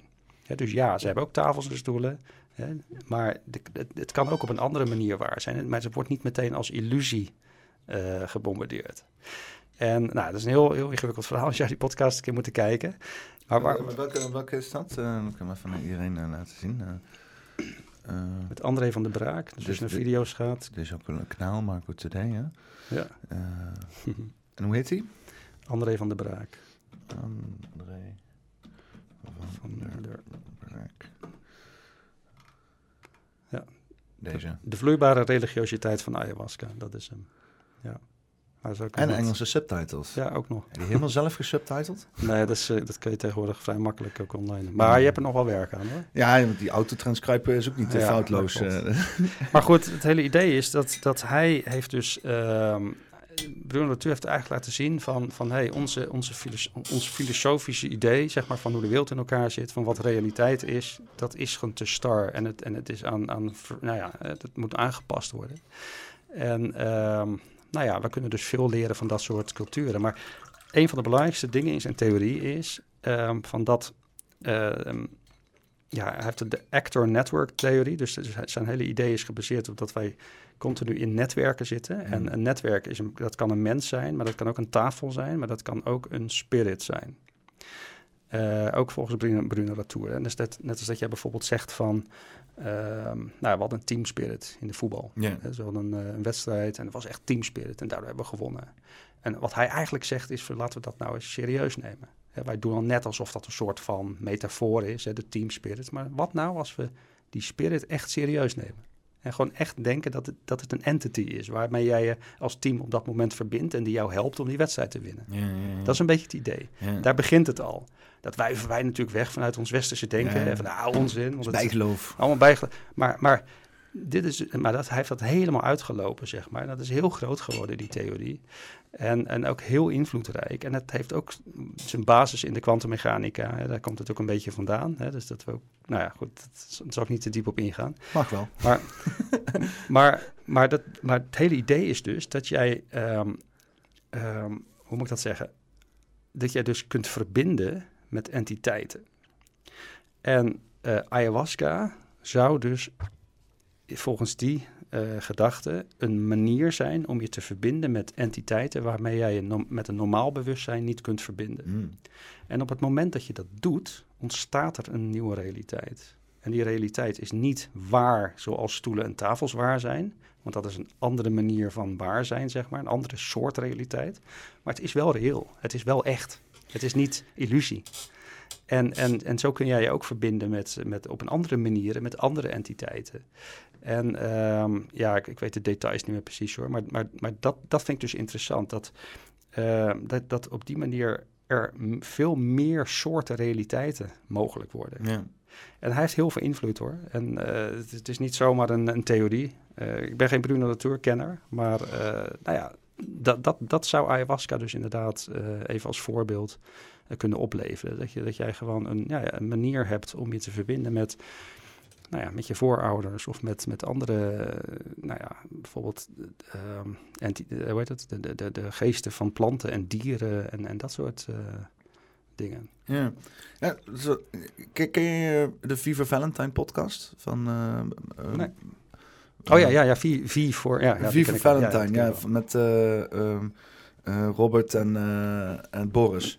Boris van der Ven van, eh, van, van Ja. de Game Kings en zo. Ja. Die begonnen laatst, want dat is gewoon een hele zakelijke, economisch gerichte politieke podcast. Begon hij over een term die hij had gevonden, en dat is egregore. En dat komt uit het Latijns volgens mij. En, en dat, dat betekent inderdaad een soort entiteit die je voedt. Ja. Dus ehm, eh, bijvoorbeeld, eh, zoals hun, dat- hij dat dan op hun tijd, bijvoorbeeld het geldsysteem is een soort egregore. Iedereen voedt dat met hun geloof, iedereen voedt dat met zijn energie. Exact. En dat wordt Ja. dan groot en hoog gehouden. Ja. En, en, dat, en dat vraagt dan op een gegeven moment ook energie, zeg maar. Hè? Dus, dus eh, eh, hier moet ik ten, Dat, dat is, dat is. Bruno Latour eh, in actie. Ja. Dit is precies waar het om gaat. Dus je bent continu bij je netwerken aan het maken. En in die netwerken ga je samen met dat netwerk ga jij een realiteit creëren. Het is altijd een co-productie. En ehm, ja, dat is, dat is precies hetzelfde. Dat is hetzelfde als dat, dat voetbalteam waar ik het net over had en die teamspirit. Ja. Ja. Maar het is de, wat ik dus wil zeggen, het is dus geen onzin. Dus je kunt heel makkelijk zeggen van ja, weet je, die ayahuasca-ervaring, je had het net over spirits en zweverig gedoe en, en dit en dat. Maar dat doe je dan altijd vanuit dat westerse frame. Dat kun je ook alleen maar zeggen als jij gelooft dat het westerse frame waar is. Ja. Maar mensen realiseren zich niet dat het, die hele filosofische basis van ons westerse denken ook maar een aanname is. Ja. Het is ook maar een aanname. Er is nooit een bewijs geleverd dat, eh, dat, dat, dat eh, zeg maar alles, hè, dat, dat de wereld alleen maar, of het universum alleen maar bestaat uit, uit materie en illusie. Er, er is geen bewijs voor. Überhaupt, hè? Jouw denken. Wij gaan ervan uit dat ons denken in het hoofd plaatsvindt. Dat ons geheugen in het hoofd zit. Er is niet eens, een- er is, dat is nooit bewezen. Dat, dat, is, dat is niet bewezen. Dat is, dat is gewoon helemaal niet duidelijk. En sterker nog, hoe, hoe, hoe dieper we op dat onderzoek ingaan, hoe meer het ook onaannemelijk lijkt dat het in ons hoofd zit. Ja. Weet je, dus dit zijn allemaal aannames die wij voor, voor waar hebben aangenomen. Dat het in ons En- hoofd zit, zit in ons, zit in ons hoofd. Ja, ja maar dat, dat precies. Dus, dus dat is een aanname. Hè? Dus, dus wij hebben in ons westerse denken, zijn, ja, ja, gaan we ervan uit dat de wereld zo in elkaar zit. Nou ja, en wat Bruno Latour doet, is hij zet er een andere, of een andere manier van, van denken over de realiteit, zet hij daarnaast. Ook gebaseerd op aannames, maar gewoon om te confronteren en zeggen van ja, maar realiseer je je eigen aannames. Ja. En dat is het hele verhaal. De laatste tijd, uh, ik, kom daar, uh, ik ben er terechtgekomen via uh, een dino van Dutch Matrix. Het gaat over hele abstracte onderwerpen allemaal.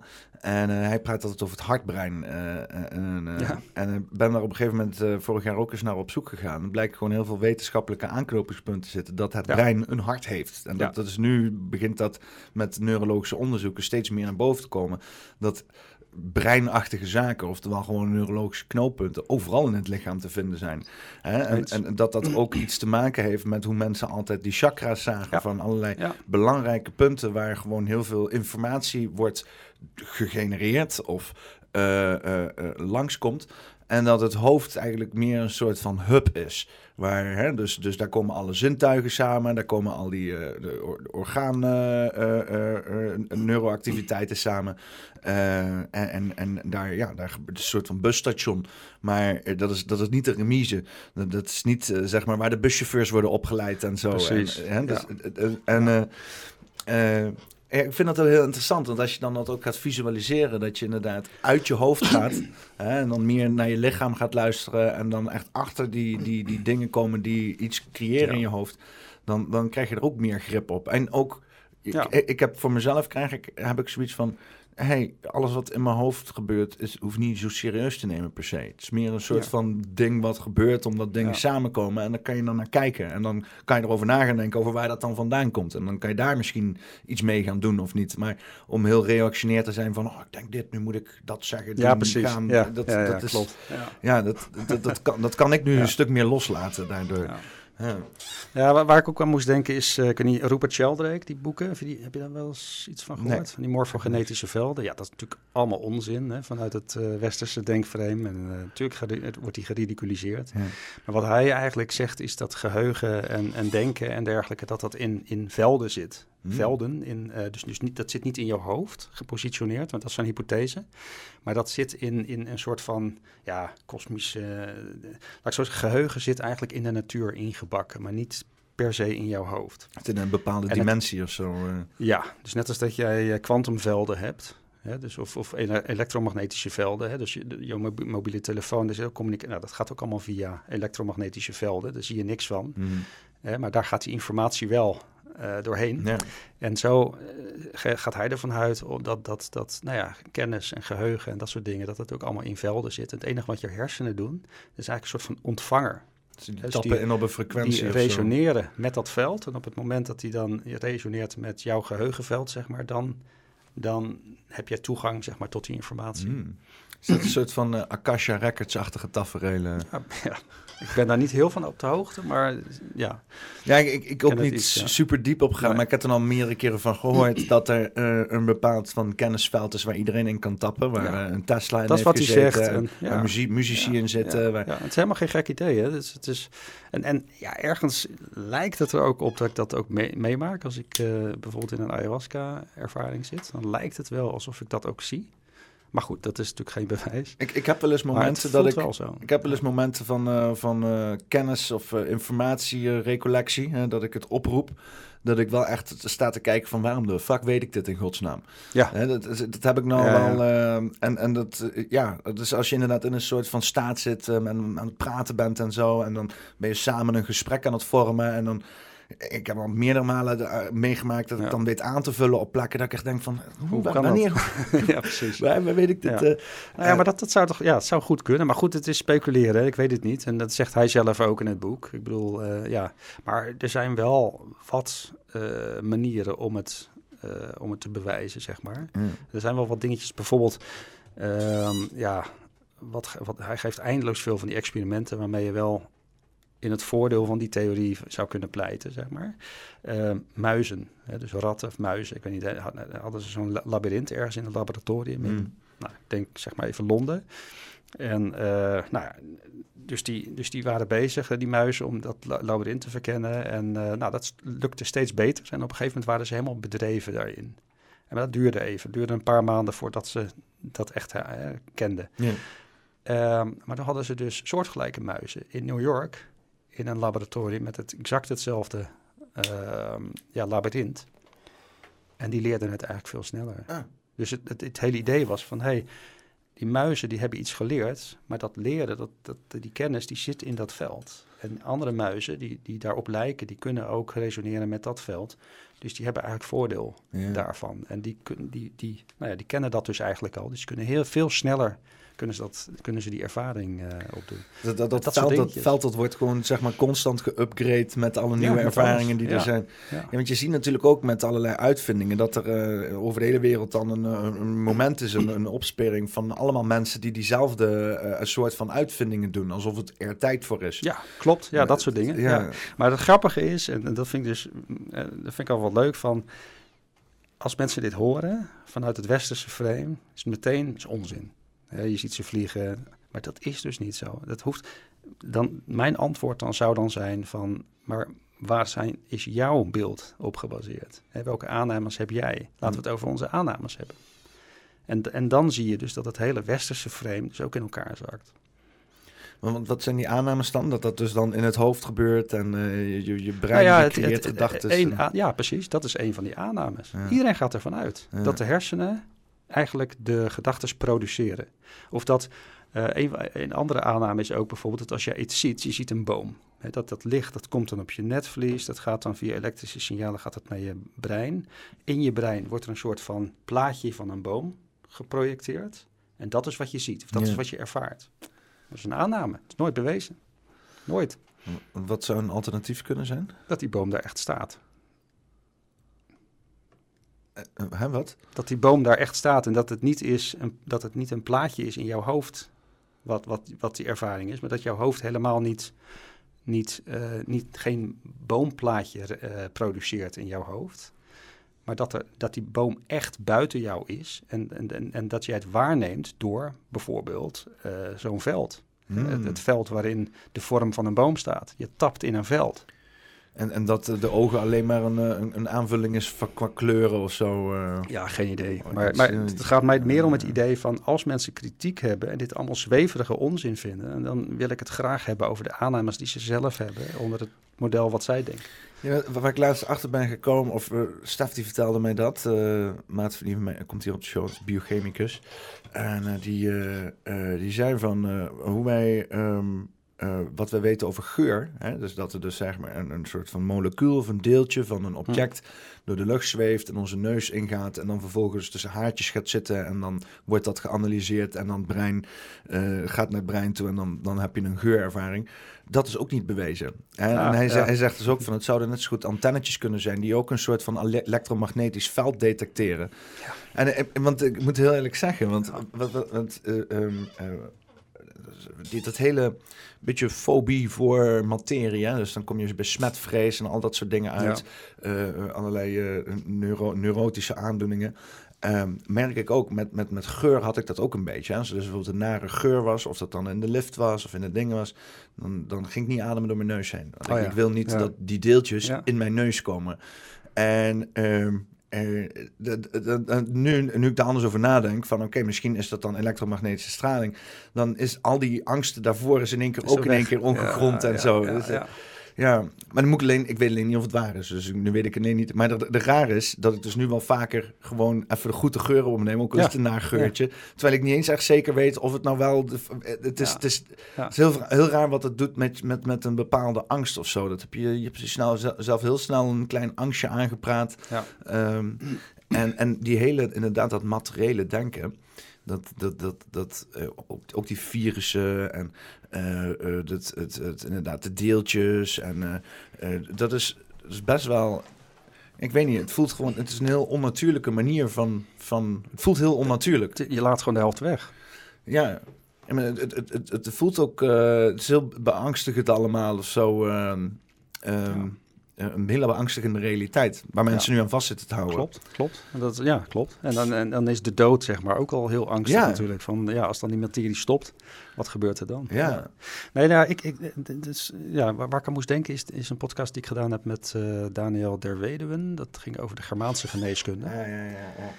En eh, ja, dat is ook wel zo'n eye-opener. Ik, ik, ik, ik kan niet zeggen het is waar of het is niet waar, maar ik vond het wel een heel aannemelijk verhaal, zeg maar, wat hij, wat hij, eh, wat hij, waar hij het over had. Ehm, kijk, in onze huidige medische wetenschap gaan we er eigenlijk een beetje van uit dat, ehm, ja, dat, dat ons lichaam een chemische fabriek is, om het maar even zo te zeggen.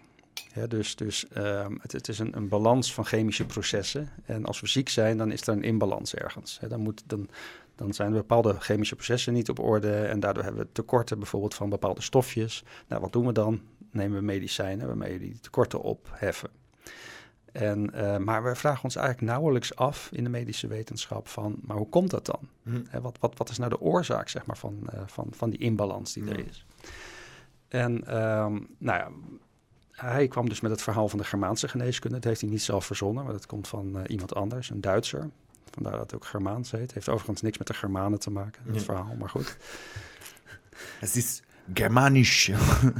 Nee, nee, maar dat is wel grappig, want dan lees je een comment van iemand die zegt... ja, maar dat is allemaal onzin, want die Germanen wisten helemaal van niks. Ik denk van, nou, je hebt de hele podcast niet gekeken, want eh, dat, daar gaat het helemaal niet over. dus mensen... Maar goed, wat hij zegt is van, ja, die materiële kant, die chemische kant... is, is één van de kanten, zeg maar. Maar je lichaam is meer. Hè? Er zit ook een, een, een geestelijke kant aan. Hè, de, met de psychologie. Hmm. En, en, en de hele basis zeg maar, van die Germaanse geneeskunde is dat vrijwel elke ziekte wordt veroorzaakt door een schokinslag in de geest, Hmm. in de psyche. Dus met andere woorden, dat als jij ziek wordt, dan heeft dat een psychische oorzaak. Ja. Nou, dat is vloek in de kerk voor veel mensen. Die, eh, de, degene die het bedacht heeft, dat was eh dokter Hamer, Ja. eh, een of andere ja, oncoloog, geloof ik, eh, in een ziekenhuis ergens in, eh, in Duitsland. Die, die kwam op het idee, eh, nadat zijn zoon was doodgeschoten en hij kort daarna kanker ontwikkelde. Hm. En ja, was hartstikke gezond, had nooit, never last van iets. En opeens, hè, traumatische ervaring, en hij kreeg opeens kanker. En toen is hij onderzoek gaan doen. Toen dacht hij van, hé, hey, zou het daar iets mee te maken kunnen hebben? Nou, hij kreeg duizenden en duizenden patiënten in zijn ziekenhuis.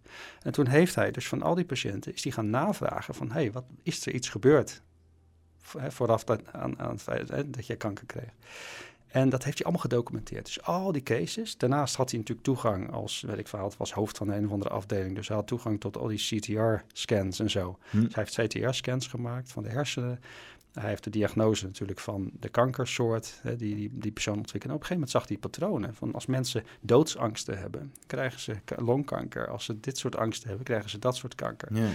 En dat kon hij met die CT-scans kon hij dat ook nog aanwijzen in de hersenen. Ehm, maar waar- waarmee hij dus eigenlijk de verbinding heeft gelegd tussen psychologie enerzijds en geneeskunde anderzijds. Ja. Want- want we hebben ze allebei in het Westen, alleen ze zijn niet met elkaar verbonden. Ja, misschien via de psychiatrie wat, maar dat is niet structureel. Het is waardeloos. Maar, Het is maar echt nee, nee, nee, nee, precies. in Nederland, Ja, eh. ja, maar wereldwijd. Ja. Maar, maar, maar dat is dus echt, dan, dan heb je het dus over een, een, eigenlijk een nieuw paradigma in, in de medische wetenschap. Dus, dus eentje die er niet meer van uitgaat dat, dat het lichaam alleen chemisch is, maar die de, dus ook de spirituele kant of de geestelijke kant dus erkent en zegt van hé, hey, als jij gezond wil zijn, zorg er dan voor dat je psychisch van je angsten afkomt. Ja. Een beetje, dus, dus dat is al een voorbeeld van, van een, eh, nou ja, een, een, een, een discipline, van een vak, hè, waarin, je, eh, eh, ja, waarin je eigenlijk die twee werelden met elkaar gaat verbinden. En dan ga je je veel beter voelen. Dan ga je dus, dan, dan, ja, gezondheid, hè, health, komt ook van whole, het woordje whole, heel zijn.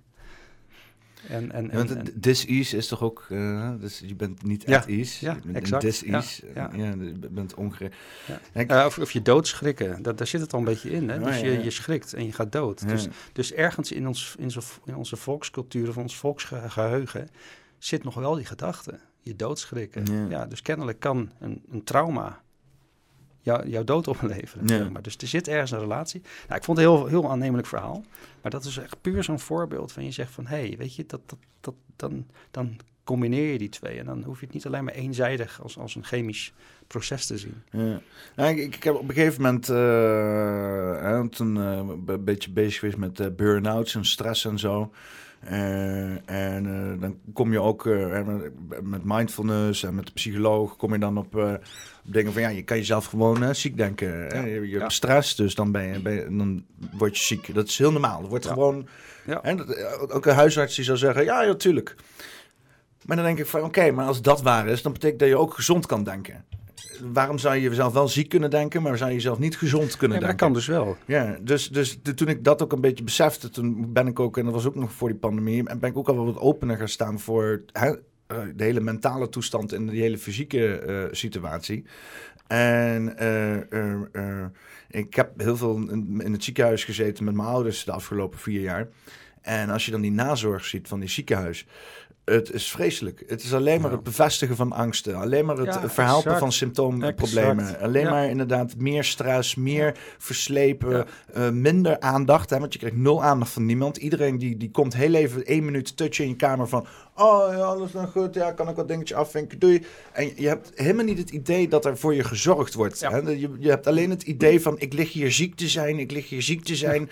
en, het, is, het, het, het, slaat helemaal nergens op. En ik, mijn moeder die heeft dus nu... Uh, uh, een paar keer dat ze dan een soort van kankerachtige ontwikkelingen heeft. Uh, allemaal gelukkig niet heel erg ernstig, maar wel, ja, komt elke keer terug. Waarvan, waarvan ik denk van, nou, kan je er iets aan doen? En nou, de ziekenhuis zegt, nee, we kunnen alleen snijden en dan moet men lekker op, uitzoeken. Dus ze bellen wel elke week terug van, ah nee, nog kanker, weet je, nog een keer ja. lekker erin drukken ja, allemaal. Ja, dus is exact. En, en ik, ik, denk ook van, dit, dit, dit, schiet niet op. Dus ik ben met haar nu ook, uh, uh, zes het geluk voor open. En ik vind het, zes het er meer voor open als mij wat dat betreft. Dus Um, um, uh, ook die, die, immateriële kanten aan het. Hè? Dus ik heb er ook in het gemaatse geneeskunde heb ik uh, stukjes gestuurd uh, over wat, wat, voor soort, waar dan haar kanker zat, ja. wat, wat, wat dan daarmee te maken had. Van hier, denk er eens over na, kijk eens of er iets te vinden was. Laat gaan naar een, een, een, sessie met, met twee gasten die ik heb leren kennen, die echt um, iets doen uh, wat heel vreemd is als je daar niet voor open staat. Uh, een, beetje, een beetje zweven en een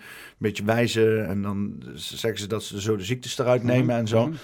Um, um, ik laat het altijd maar gewoon over me heen komen. En ik zie het ook als van, um, als jij zelf dus gelooft dat dat werkt, exact, dan ja. creëer je een situatie waarbij je je lichaam ook kan overtuigen dat dat werkt. Ja, of, of het, is, het is ook gewoon heel simpel. Op het moment dat jij zoiets uh, ondergaat en je gelooft erin, dan kan het jouw stress reduceren. Hmm. Je kan daar gewoon een soort van rust van krijgen. Ja. En het hele, het, het hele idee is, door die rust gaat je lichaam herstellen. Ja, en ik denk dat het, ja, ik denk als je gewoon naast reguliere zorg, uh, ik snap best dat er, hè, als je een gebroken been hebt, dat je niet uh, dat weg kan uh, denken. Dan moet er gewoon ja. een beetje gesneden worden en gehakt en zo. -hmm. Maar dat als je naast de reguliere zorg gewoon in de nazorg of in de oploop gewoon echt spirituele begeleiding doet. En dan in iedereen's Totaal. mate, dat ja. kan je christelijk, moslims, ja. boeddhistisch, holistisch, nee. occultistisch, dat kan je op allerlei manieren inrichten. Als er maar inderdaad voor zo'n persoon een stukje betekenis aan wordt gegeven en ook moet dat het lichaam dat het ding aangaat kunnen wat er gaat gebeuren. Precies, en dat is de kern van het hele verhaal, ook van de Germaanse geneeskunde. We hebben een zelfgenezend vermogen. Wij kunnen onszelf genezen. Ja, er wordt helemaal overheen gestapt. Uh... Totaal. En daarom zeg ik, van, dat vind ik zo mooi aan dat nieuwe paradigma. En al die mensen die daar kritiek op hebben, kom maar. Dan gaan we het hebben over je eigen aannames. En ik zeg het weer, maar daar gaat het om. Ja. Iedereen die daar maar in gelooft, oké, okay, nou, dan gaan we het er maar eens over hebben. Van, van waarom klopt het dan wat jij zegt? Waarom zouden we dan moeten geloven in, in dat hele medische paradigma wat we, wat we nu, wat nu zo ja, normaal is in het Westen? Het, het is er niet. Het is, het is, ge, het is, het is gebaseerd op, op halve ideeën of halve waarheden. Ja, het, het, meest voor de hand liggende op dat moment. Uh... Ja, nou, we zijn er gewoon in gegaan. Kijk, het heeft ook natuurlijk te maken met, uh, met, wat is het, drie, vierhonderd jaar geleden is natuurlijk de wetenschap, de wetenschappelijke revolutie ontstaan, de verlichting. Um, dat, we kwamen uit een wereld waarin materie en geest eigenlijk gewoon ja, samen hè, bestonden. Hmm. Hè. Iedereen, niemand uh, twijfelde aan, aan de geestelijke of spirituele kant van het leven in die tijd, middeleeuwen. Hè, dus die waren hartstikke uh, spiritueel in die tijd. Hmm. Um, maar op een gegeven moment zijn we natuurlijk die revolutie ingegaan. Maar dat was zo ongelooflijk succesvol. Hè, dus, dus, dus het hele idee dat, je, dat wiskunde eigenlijk eh, alle natuurverschijnselen die we zo'n beetje aan het onderzoeken waren, kon verklaren. Op een gegeven moment zijn we dat gaan doorredeneren. Uh, van, oh, misschien werkt de hele kosmos wel zo. Hè, moet alles wel wiskundig te verklaren zijn? En, en dat is denk ik de denkfout geweest vanwege het succes wat de wetenschap ons heeft geleverd. En dan met name natuurlijk in wat het ons gebracht heeft in technologie en dergelijke. Door dat succes zijn we die andere dimensie, of die andere kant, zeg maar, die geestelijke kant, zijn we een beetje gaan, ja, in eerste instantie een beetje gaan verwaarlozen, een beetje gaan onderdrukken. En op een gegeven moment hebben we het gewoon uh, maar gewoon afgeschaft. Hmm. Ik denk dat het dat het hele idee is. Het is misschien niet eens onwil geweest, maar het is gewoon heel succesvol geweest. We zijn gewoon gaan denken dat zo de wereld werkt. Maar Ja. dat is maar de helft van het verhaal. In, Ja. mijn, geloof, in mijn idee. Zo, want ik, ik zat laatst naar een, was naar een lezing van Matthias Desmet. En eh, die zei, eh, ik ken is van eh, België, die, eh, die schrijft over totalitarisme en zo. Ehm, die, eh, die zei ook van, van eh, uit eigen ervaring, dus zelf dus door wetenschappelijk onderzoek te bladeren en door eh, collega's van hem met, met, met hun te converseren, is hij ervan achter gekomen dat 98% van alle onderzoeken foutief zijn. Hè, dat is eigenlijk iedereen die iets probeert exact te beschrijven met cijfers, meer weglaat dan dat er Ja, ja. geïncludeerd wordt. En hij zegt van het is een fundamenteel probleem van werken met cijfers. Want cijfers Ja. zijn heel eendimensionaal. Terwijl alle wereldse problematiek en dingen zijn multidimensionaal. Daar zitten veel meer aspecten aan. Ja. En dat is dus wel heel grappig, want dan pak je de hele wetenschap, alles wat exact precies kan, allerlei materiële zaken kan maken. En dat dat, eigenlijk maar zo'n klein gedeelte van de realiteit het, beschrijft. Ja. En, eh, en, en dat nu inderdaad ook de mensen zijn die nu allemaal aangekeken worden van hoe zit het in elkaar. Die mensen die weten misschien 2% van de realiteit, maar die moeten nu 100% van Ja, iedereen's klopt. leven gaan Ja. zitten beschrijven. Ja, ja. Het is ook stressvol om nou een wetenschapper te zijn. Nou ja, met wetenschap is een geloof geworden. Hè? Ik bedoel, wij zeggen dat we seculier zijn in het Westen.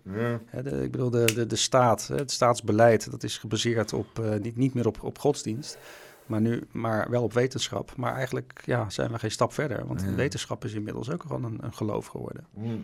En puur vanwege die aannames die we, niet, die we niet zien. Wij denken dat het echt is, dat het, dat het echt... Ja, en dan even nog los van waar jij het over hebt. Hè, dat gewoon veel wetenschappelijk onderzoek ook gewoon niet goed uit- uitgevoerd wordt. Of in ieder geval... Ja, of dat- nooit, het zou nooit goed uitgevoerd kunnen worden, zolang Ja. het alleen maar het, cijfersaspect Ja. inneemt. Je zou aan elk onderzoek zou je ook zou meer holistisch moeten zijn. Dus dan heb je en een exact punt en dan de daaromheen eh, eh, eh, de factoren die ook. maar het stom is, want je kan wel heel ver, want natuurlijk kwantumfysica wordt ook met wiskunde gedaan. Er zijn nauwelijks meer cijfers. Het zijn alleen nog maar streepjes en letters eh, als je naar de, de wiskunde achter kwantumfysica kijkt. Ik, ik kan er niks aan zien. Ik zie alleen maar oh, Ja. ja, Chinees of zo. Ehm, maar eh, daarmee kan je wel heel veel ehm, ehm, mogelijkheden eh, berekenen. Dus, dus, want dat is wat ze met kwantumfysica aan het doen zijn. Ze zijn niet aan het zeggen van, oh, dit is hier. Maar ze pakken een, een, veld van Ja. mogelijkheden... en dan inderdaad kansberekeningen over waar dan Ja. precies iets zou kunnen ontstaan. En dat begint al wat meer eh, holistisch te worden in die benadering... Ja. dan van, oh, dit is een exacte berekening... en dit is de enigste uitkomst. Klopt. dus ja, het is allemaal nog heel erg in ontwikkeling. En ze weten er nu computers mee te maken en zo. Maar ik, ben er wel, ik zit dat wel altijd in de gaten te houden. En, ik denk, en als je dan naar die kwantumwetenschappers zit te luisteren... dan denk je ook van, joh, dit klinkt best spiritueel allemaal. Ja, dat klopt. Ja. Eh, ja, en, eh, pas Ja. als je het observeert, dan, eh, kan je, dan kan je het zien. En dan impliceert dat we een soort van invloed hebben op de materie met onze bewustzijn. En denk ik, joh, dat is... Ja, ik denk dat er veel natuurkundige, eh, ja, of la- laat ik zo zeggen dat er veel mythen rondgaan over wat kwantum en mechanica allemaal impliceert, Ja. zeg maar. Maar dat het wel ehm, ja, gevolgen heeft gehad voor ons wereldbeeld, dat, dat is wel duidelijk. Ja, en vooral inderdaad een hele hoop van die wetenschappers die Ja. alleen maar heel exact en verneukeratief waren, echt, die, die daarop stuiten en nu Ja. bijna een soort van door een, door een naald zijn gekropen en weer helemaal aan het expa- expanseren zijn Ja. eh, naar, naar, naar veel, ja, veel bredere vlakken. Ik vind dat wel interessant. Maar dan ook nog, ja, je ziet natuurlijk dat heel veel mensen, eh, heel veel, alles is kwantum tegenwoordig. weet je wel. Ja, Kwantumtherapie en Ja. eh Ja. kwantumzwembad Ja. en eh, kwantumonderbroek. Ik weet niet wat ze allemaal gaan bedenken. Maar eh, dus dat vind ik altijd wel jammer. Ja, aan de ene kant is het ook wel weer grappig, maar dat dan heel veel van die dingen betekenisloos worden. Hè?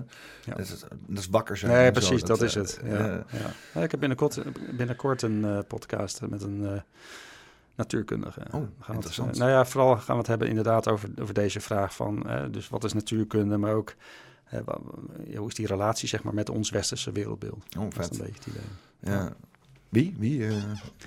Ja, Oh, heet hij? zeg je nou Roel- ter plekke? eh, nou, Roel Andringa, geloof ik. oh, oké. Ja, Ja, ja de, even, de, de natuurkunde is... eh, ik, ik heb vroeger een hele slechte natuurkundeleraar gehad. Dus ik, ben, eh, ik heb al mijn, eh, al mijn enthousiasme over eh, leren... heb ik na mijn schoolperiode moeten doen. Ehm, maar eh, ik, vind het zo, ik vind het zo interessant. eh, ja, nee, het is super interessant. En, ik ja. ben recent gestuurd op eh, hermetische principes. En eh, ehm, de grap is, is dat daar best wel veel aanknopingspunten zijn te maken met ook natuurwetten. Hè? Dus Ja. geen verlies van energie. Hm. Eh, kan je ook eh, vertalen met eh, alles is in beweging, zeg maar. hè? Dan kan je, dan kan je, Gewoon. kan je de overstap maken. En dus heb je verschillende dingen waar je... ehm, ehm, eh, net zoals ook met kwantumfysica, dat je, dat je dus inderdaad iets moet observeren en daarna wordt het pas een deeltje. Eh, het lijkt ook iets te hebben met de, de, de universe is mental. Hm. Dus alles wordt gevormd in ons hoofd, wat we observeren. En dat zijn, dat zijn principes, die medische principes, die gevonden zijn in een of andere tablet in een piramide van, eh, van duizenden jaren geleden. En dan vraag je je toch af van, hey, die mensen Hm. vroeger, die, die, hadden wel, die hebben dingen geobserveerd, die werkten volgens mij. Ja. Heb, je, heb je al iemand, eh, eh, eh, want je je hebt natuurlijk heel veel over, over, over ook occultisme en esoterie, of heel veel wil ik niet zeggen, maar een paar keer, een paar, die heb ik Ja. gezien. Natuurlijk omdat ik daar dan Ja. waarschijnlijk naartoe trek. eh. Ehm, heb je dingen gehoord of, of, of, of, of gelezen dat je echt dacht van, oh, dat is wel, dat is wel heel, hoe noem je dat nou, ja, mind blown, zeg maar. Ja, Eh, zeker. Ik bedoel, eh, elke podcast die ik doe, eh, daar ben ik eigenlijk al helemaal, helemaal heel, heel blij mee. Ehm, nee, maar over die hermetica bijvoorbeeld. Ja, dus, dus dat je, ehm, ja, dus de, ik weet niet, Hermes Trismegistus, dat Ja. is in het begin van onze jaartelling. Er zijn tabletten of, tabletten of eh, ehm, eh, teksten gevonden. Volgens mij niet eens uit die tijd hoor, maar latere kopieën. En een paar fragmenten, denk ik, uit die tijd. van, van de Hermetica. Hè, dus de, hermetische, de hermetici in die tijd. En ehm, nou ja, de, de, de grap is, daar is ontzettend veel over gepubliceerd. En ehm, nou ja, wa- wa- wat er dan eigenlijk wordt gezegd is dat die hermetica, die teksten, wat, dat dat eigenlijk een soort van filosofie is. En dat is dat, dat je Plato had. Hmm. Een soort van rationele eh, activiteiten. Dus, dus die hermetici, dat waren gewoon een soort van filosofen. Die ehm, ja, gewoon nadachten over de wereld. Hm. Ehm, maar degene die ik in mijn podcast had, dat is eh, Wouter Hanegas, professor aan de UvA. Dat is ook een neef van mij eh, toevallig. Eh, maar die heeft dat dus uitgeplozen en die is gewoon gaan kijken met een open bril. Van, goh, klopt dat nou eigenlijk wel? Was dat nou echt filosofie? En als je er nou echt, echt met een open bril ingaat... en hij is die teksten allemaal opnieuw gaan lezen vanuit het Grieks en dergelijke... toen kwam hij erachter dat het eigenlijk... dat het niet alleen Griekse filosofie was... maar ook eh, dat, dat het eh, ook voor een heel groot deel... eh, oude Egyptische spiritualiteit was, Hmm. wat daarin zit. Ja. Eh, en dat die hermetici, ja, die, die schreven wel over, ehm, nou ja, over wereldbeeld en, en hoe de dingen, hoe de kosmos, kosmos in elkaar zit en dergelijke. Maar dat was eigenlijk helemaal niet het, het, het, het belangrijkste ding, zeg maar, wat ze, wat ze deden. Wat ze vooral deden was ehm, een ervaring met elkaar opwekken. Hè? Waarvan ik denk, nou ja, wat ik dan bijvoorbeeld met ayahuasca doe. Hè, Je hebt die mysteries van Eleusis en van Delphi, in, in de, die, die kennen we ook. En Mhm. daar gebeurde iets. Hè, Die, die, hadden, die maakten ook gebruik van bepaalde substanties, hè, die ze dan eh, dronken of tot zich na, namen. Eh, en dan, en dan mm, ja, begonnen er hele gekke dingen te gebeuren. Hadden ze bizar, bizarre eh, ervaring en daar werd dan wel over geschreven. En dat, dan, dat had dan, eh, nou ja, daar hadden ze het eindeloos over. Nou, zo- zo'n soortgelijk iets, dat moet mogelijk ook daar hebben plaatsgevonden. Ja. Dus dat, het, dat die hermetici eigenlijk helemaal geen, dat was geen filosofie. Het ging helemaal niet over wat ze erover schreven, maar het Maar ging waren echt gewoon om, psychonauten. Het waren, ja, eigenlijk wel. Zo zou ik het eens kunnen zeggen. En, en, eh, maar daar schreven ze natuurlijk wel over. Dus je probeert natuurlijk wel andere mensen in die community te vertellen wat ze hadden meegemaakt en dergelijke. Maar dat ging over contact leggen met de goden, met, met, met entiteiten, met zichzelf, met Uh, nou ja, dat, dat soort dingetjes, daar word ik allemaal heel blij van. Ik denk van ja, dat, dat, dat herken ik, omdat ik het zelf ook doe. Ja. Zijn, zijn, denk... zijn wij een soort ook van uh, hermetici eigenlijk? Eigenlijk wel. Moderne hermetici. Ja. En er dan een podcast over maken in plaats van tekst te schrijven. Ja. Maar eigenlijk is dit, dit een beetje de conclusie, ja. Van, van, het is allemaal niet zo ver weg. Maar om maar aan te geven, want ik vroeg ook van... joh, maar hoe zit het dan bijvoorbeeld met Plato? dat, dat is natuurlijk gewoon de Uber-filosoof. Iedereen kent hem als je die teksten van Plato zou herlezen en op een, echt met een open blik zou gaan bestuderen, zou je dan ook een spirituele kant vinden? En hij zegt, nou, waarschijnlijk wel. Dat, hij heeft daar wel aanwijzingen voor dat dat zo is. Dus met andere woorden, die hele spirituele kant, die hele esoterische kant van, van het leven, die is, die is volgens hem structureel uit de westerse geschiedenis weggeschreven. En wat stom is, want heel veel uh, uh, wetenschappers die hebben bijgedragen aan de moderne wetenschappen, bijvoorbeeld een, uh, weet die gast het Newton, Newton ja. dat was ook een, dat was een alchemist, was ja, dat. Klopt. Dus, bezig dus, met allemaal. dat is ook een voorbeeld. Ja. ja. Maar, dat, maar dat geldt dus ook voor mensen zoals Plato waarschijnlijk. Hè? Dus nou, zijn... Pythagoras, die had een lijpe nummersecte gaande of zo.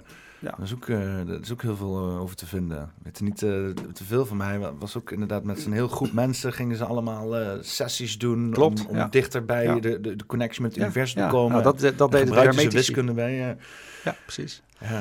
Dus, dus laat ik zo zeggen, in dit soort gesprekken begint er een soort van realiteit te ontstaan voor mij. En denk van, hé, hey, wacht eens even. Het is, het is allemaal veel dichterbij.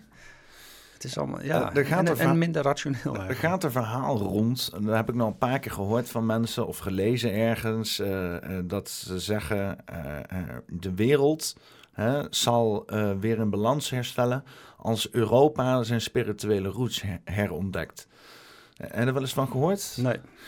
En uh, ik heb er, zit er dus vaak over na te denken. Je hebt natuurlijk vrij veel, uh, of nee, Europa, het Westen misschien dan ook. Ja, het Westen. Uh, um, je hebt inderdaad, ja, het lijkt wel een beetje alsof wij na die, na die renaissance inderdaad een soort van gekaapt zijn. Ja. En er gaan enorm veel complotten over. De ene nog interessanter dan de andere. Of dat dan een Tertaria is, of vrijmetselaars bij de,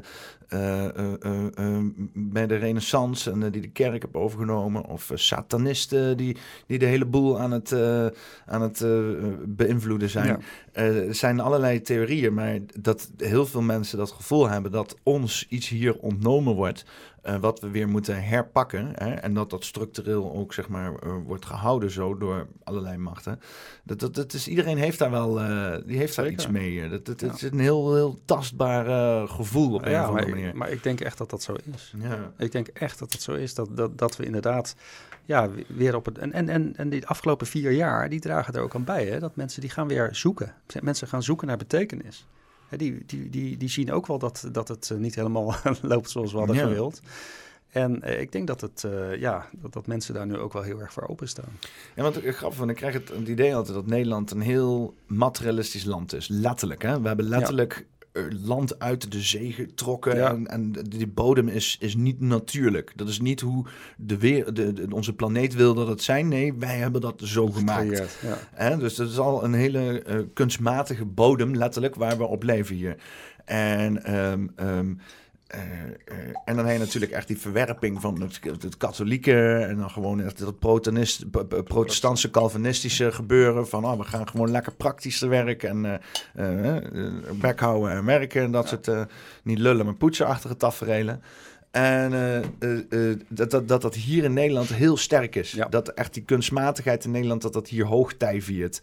Alleen het de rare is dat, en dat kan misschien, ik weet niet waarom, maar in mijn omgeving, als ik met mensen praat over, en het kan misschien zijn omdat ik het vanuit zo'n rationeel, nuchtere, geaarde blik doe, praten over de mogelijkheid van spiritualiteit, dat best veel mensen openstaan. Dat best veel ja, mensen totaal, zeggen van, ja, totaal, ik ben ook ja. spiritueel, alleen ik weet niet hoe ik het voor moet geven, ja. dus nee, dat, ik, ik ben er niet zo mee bezig. Maar als ik er dan over praat, dan heel veel mensen die, die, die, die hangen aan mijn lippen van, oh ja, inderdaad, nee, ja, maar dat is helemaal niet zo gek wat je zegt.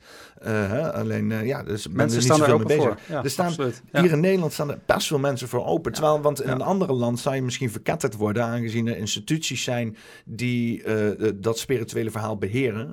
De orthodoxe kerk, de katholieke kerk of de, de, de moslimgemeenschap, whatever, wat er gaande is in elk land. dan heb je natuurlijk wel gewoon een gevoel van spiritueel, spiritualiteit, maar ingevuld door een instituut. En ik denk dat dat ook, zeg maar... En we hebben hier in Nederland een soort van unieke pad bewandeld. En ons volledig losgekoppeld van die, van die eh, spirituele beïnvloeding. En zijn nu een soort van Seculier. individueel aan het aangaan met een Ja. spiritualiteit die volledig Ja. eigen gecreëerd is. Ik heb ook het idee dat, dat whatever de vak van revolutie er gaande is de komende tijd, dat Nederland echt een hoofdrolspeler is daarin. Ja, dat zou best kunnen. Ja, ja we zijn natuurlijk ook best wel hè, extreem in ons protestantisme met het Calvinisme. Ja. Dat is een van de weinige plekken waar dat echt zo extreem is door, eh, doorgegaan. Dus het kan natuurlijk ook wel zo zijn dat wij als eerste dan weer eh, erachter komen van... hé, hey, En het is voor mij een unieke, unieke dat zou best kunnen. Een- ja. Aan de ene kant zijn we heel vatbaar voor dus al die materialistische bullshit waarop we gekaapt worden.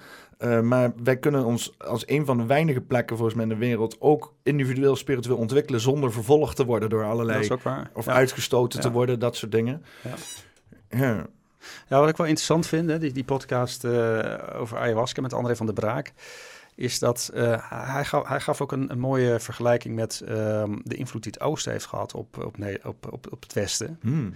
Hij zegt van ehm, de afgelopen 150 jaar heeft dat plaatsgevonden. Hè? Dus, dus ehm, eigenlijk die transformatie van, van het Westen door invloed van het Oosten, dat is een proces geweest van 150 jaar. Hij zegt, maar dat is ongeveer wel zo, zo afgerond. Hè? Dus, dus niemand kijkt meer op van, eh, van yoga of, of mindfulness of iets dergelijks. Hmm. Het is volledig mainstream geworden.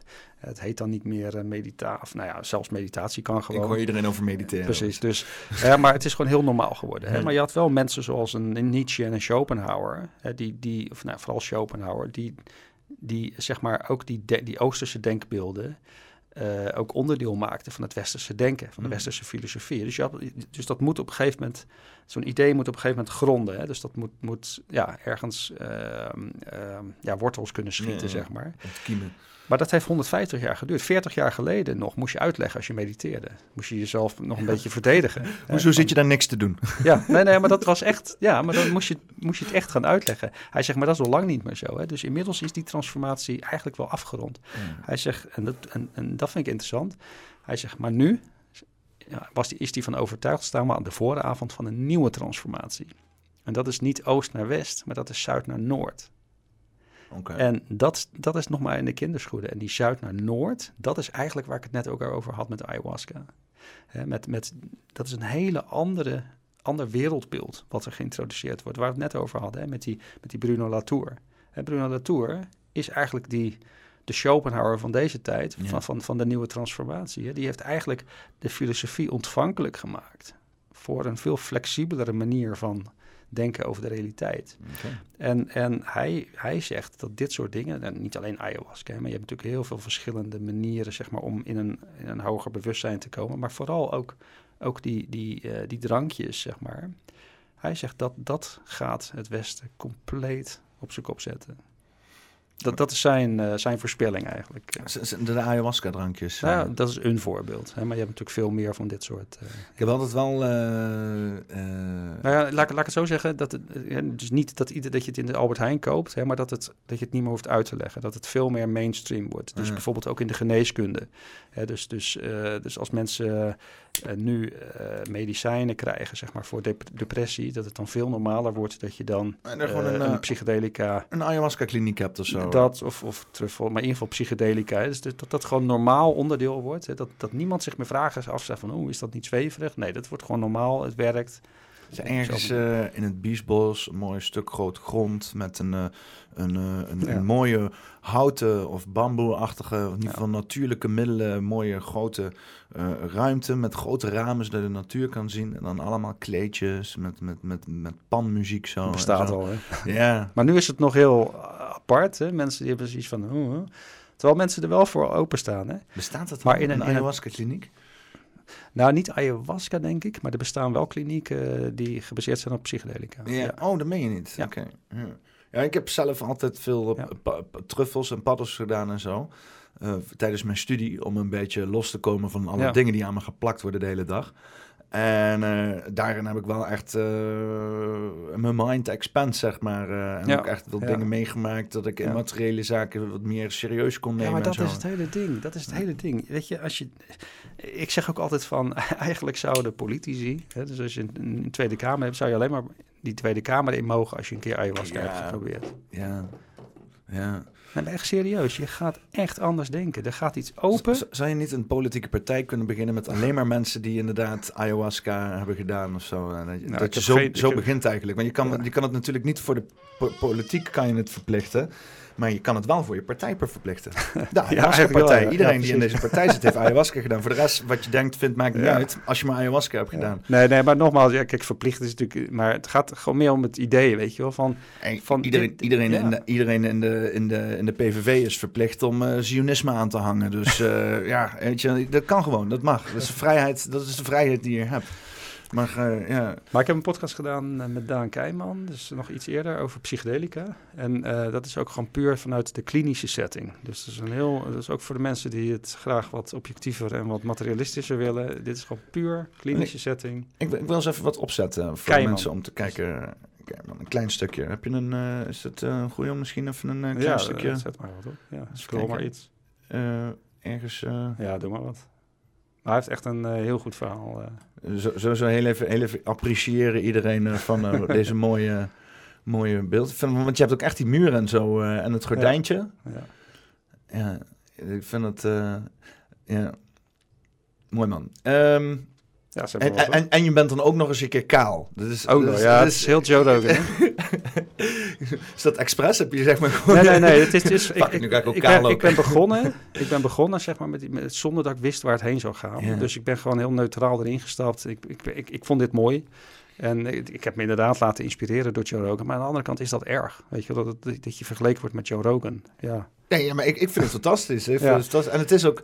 Het is ook met iedereen die wil een soort van... Ik, ik probeer in zekere zin ook een Nederlandse Joe Rogan te zijn. eh, in de zin dat ik gewoon eh, ja, de, de, de aanpak zeg maar, eh, Ja. eh, probeer te imiteren. Zeg maar. Dus ik laat me ook inspireren door hem. ja oké. Eh, maar de, de eh, setting van, van mij is natuurlijk is, is wel heel Amerikaans. Dus ik ben wel bezig met een ander brand hoor. Ja. Dus, dus eh, ik, Oké, probeert je wel een beetje ervan los eh, te Ja, koppelen. maar dat is ook gewoon, dat heb ik altijd wel bedacht, weet je wel. Van, ik begin gewoon, dit was een makkelijke oplossing. Eh, en ja, ik bedoel, hij heeft me gewoon ontzettend geïnspireerd. Ja. Alleen ik, ik had echt zoiets van, weet je, ik, ik ga eerst maar eens even kijken waar het heen gaat. En als ik dan meer gevoel heb met, met ja, wat nou eigenlijk de rode draad is van, van mijn podcast, Ja. dan ga ik eh, denken aan mijn eigen brand. Het is toch wel mooi dat je dat En, niet eh, al invult van tevoren. Dat je gaat kijken ja, waar het heen dat is gaat. een beetje ja. het idee. Dus daar ben ik momenteel ook mee bezig. Ja. Dus dat Dus zal dit de komende maanden wel veranderen. Het is ja. meer een hommage, zeg maar. eh. Ja, eigenlijk wel. Ja, Ja, ja. zo- ja, zo kan je het ook zien. Eh, even een klein stukje aanzetten. Ja. Nee, nee, maar even. Ja, ja, ja. ik, ja. bedoel, ik ken shamaans die zitten echt niet op regulering te wachten. Nee, Terwijl ze nee. echt hartstikke goed werk afleveren. Ja, ik denk dat het eh, belangrijk is om een onderscheid te maken tussen eh, ehm, legalisering, decriminalisering en regulering. Eh, decriminalisering betekent dat je sommige middelen niet mag verstrekken aan een ander, maar je mag het wel gebruiken. Dus in Nederland is drugsgebruik, het gebruik zelf, is, is, is niet Ja, strafbaar. Ja. Dat, en dat, dat, is een schade, dat is gebaseerd op ons schadebeperkende beginsel. Dat zorgt ervoor dat we, als we een middel nemen eh, en er gaat iets mis, dan hebben we liever dat mensen de ambulance bellen en zich dan niet, niet de ambulance bellen uit angst voor de politie die me zo meekomt. Oh, zit dat Ja, erachter? ja, dat, dat is Oh. een van de, de grondbeginselen. Ehm, ja, dus eh, dat, is, dat is een van de kernbeginselen van ons drugsbeleid. Ehm, wat heel erg belangrijk is, is, dus we zijn al gedecriminaliseerd. Nou, Legalisering is eigenlijk wat we nu zien met, met truffels in de smartshop. Iedereen kan dat kopen. Technisch Ja. gezien mag een smartshop een kilo truffels verkopen aan een kleuter. Dat doen ze niet, omdat ze zichzelf reguleren. En een organisatie die de FLOS heet, eh, eh, Vereniging Landelijk Overleg Smartproducten, zorgt ervoor dat de smartshops die die truffels verkopen zich allemaal aan regels houden. Niet onder de 18, niet aan zwangere mensen, niet aan mensen die onder invloed zijn. Hè, dus die hebben allemaal regels, maar dat is niet vanuit de overheid. Hm. En eh, eh, dat is de vraag. Is het gewenst dat we veel meer gaan reguleren?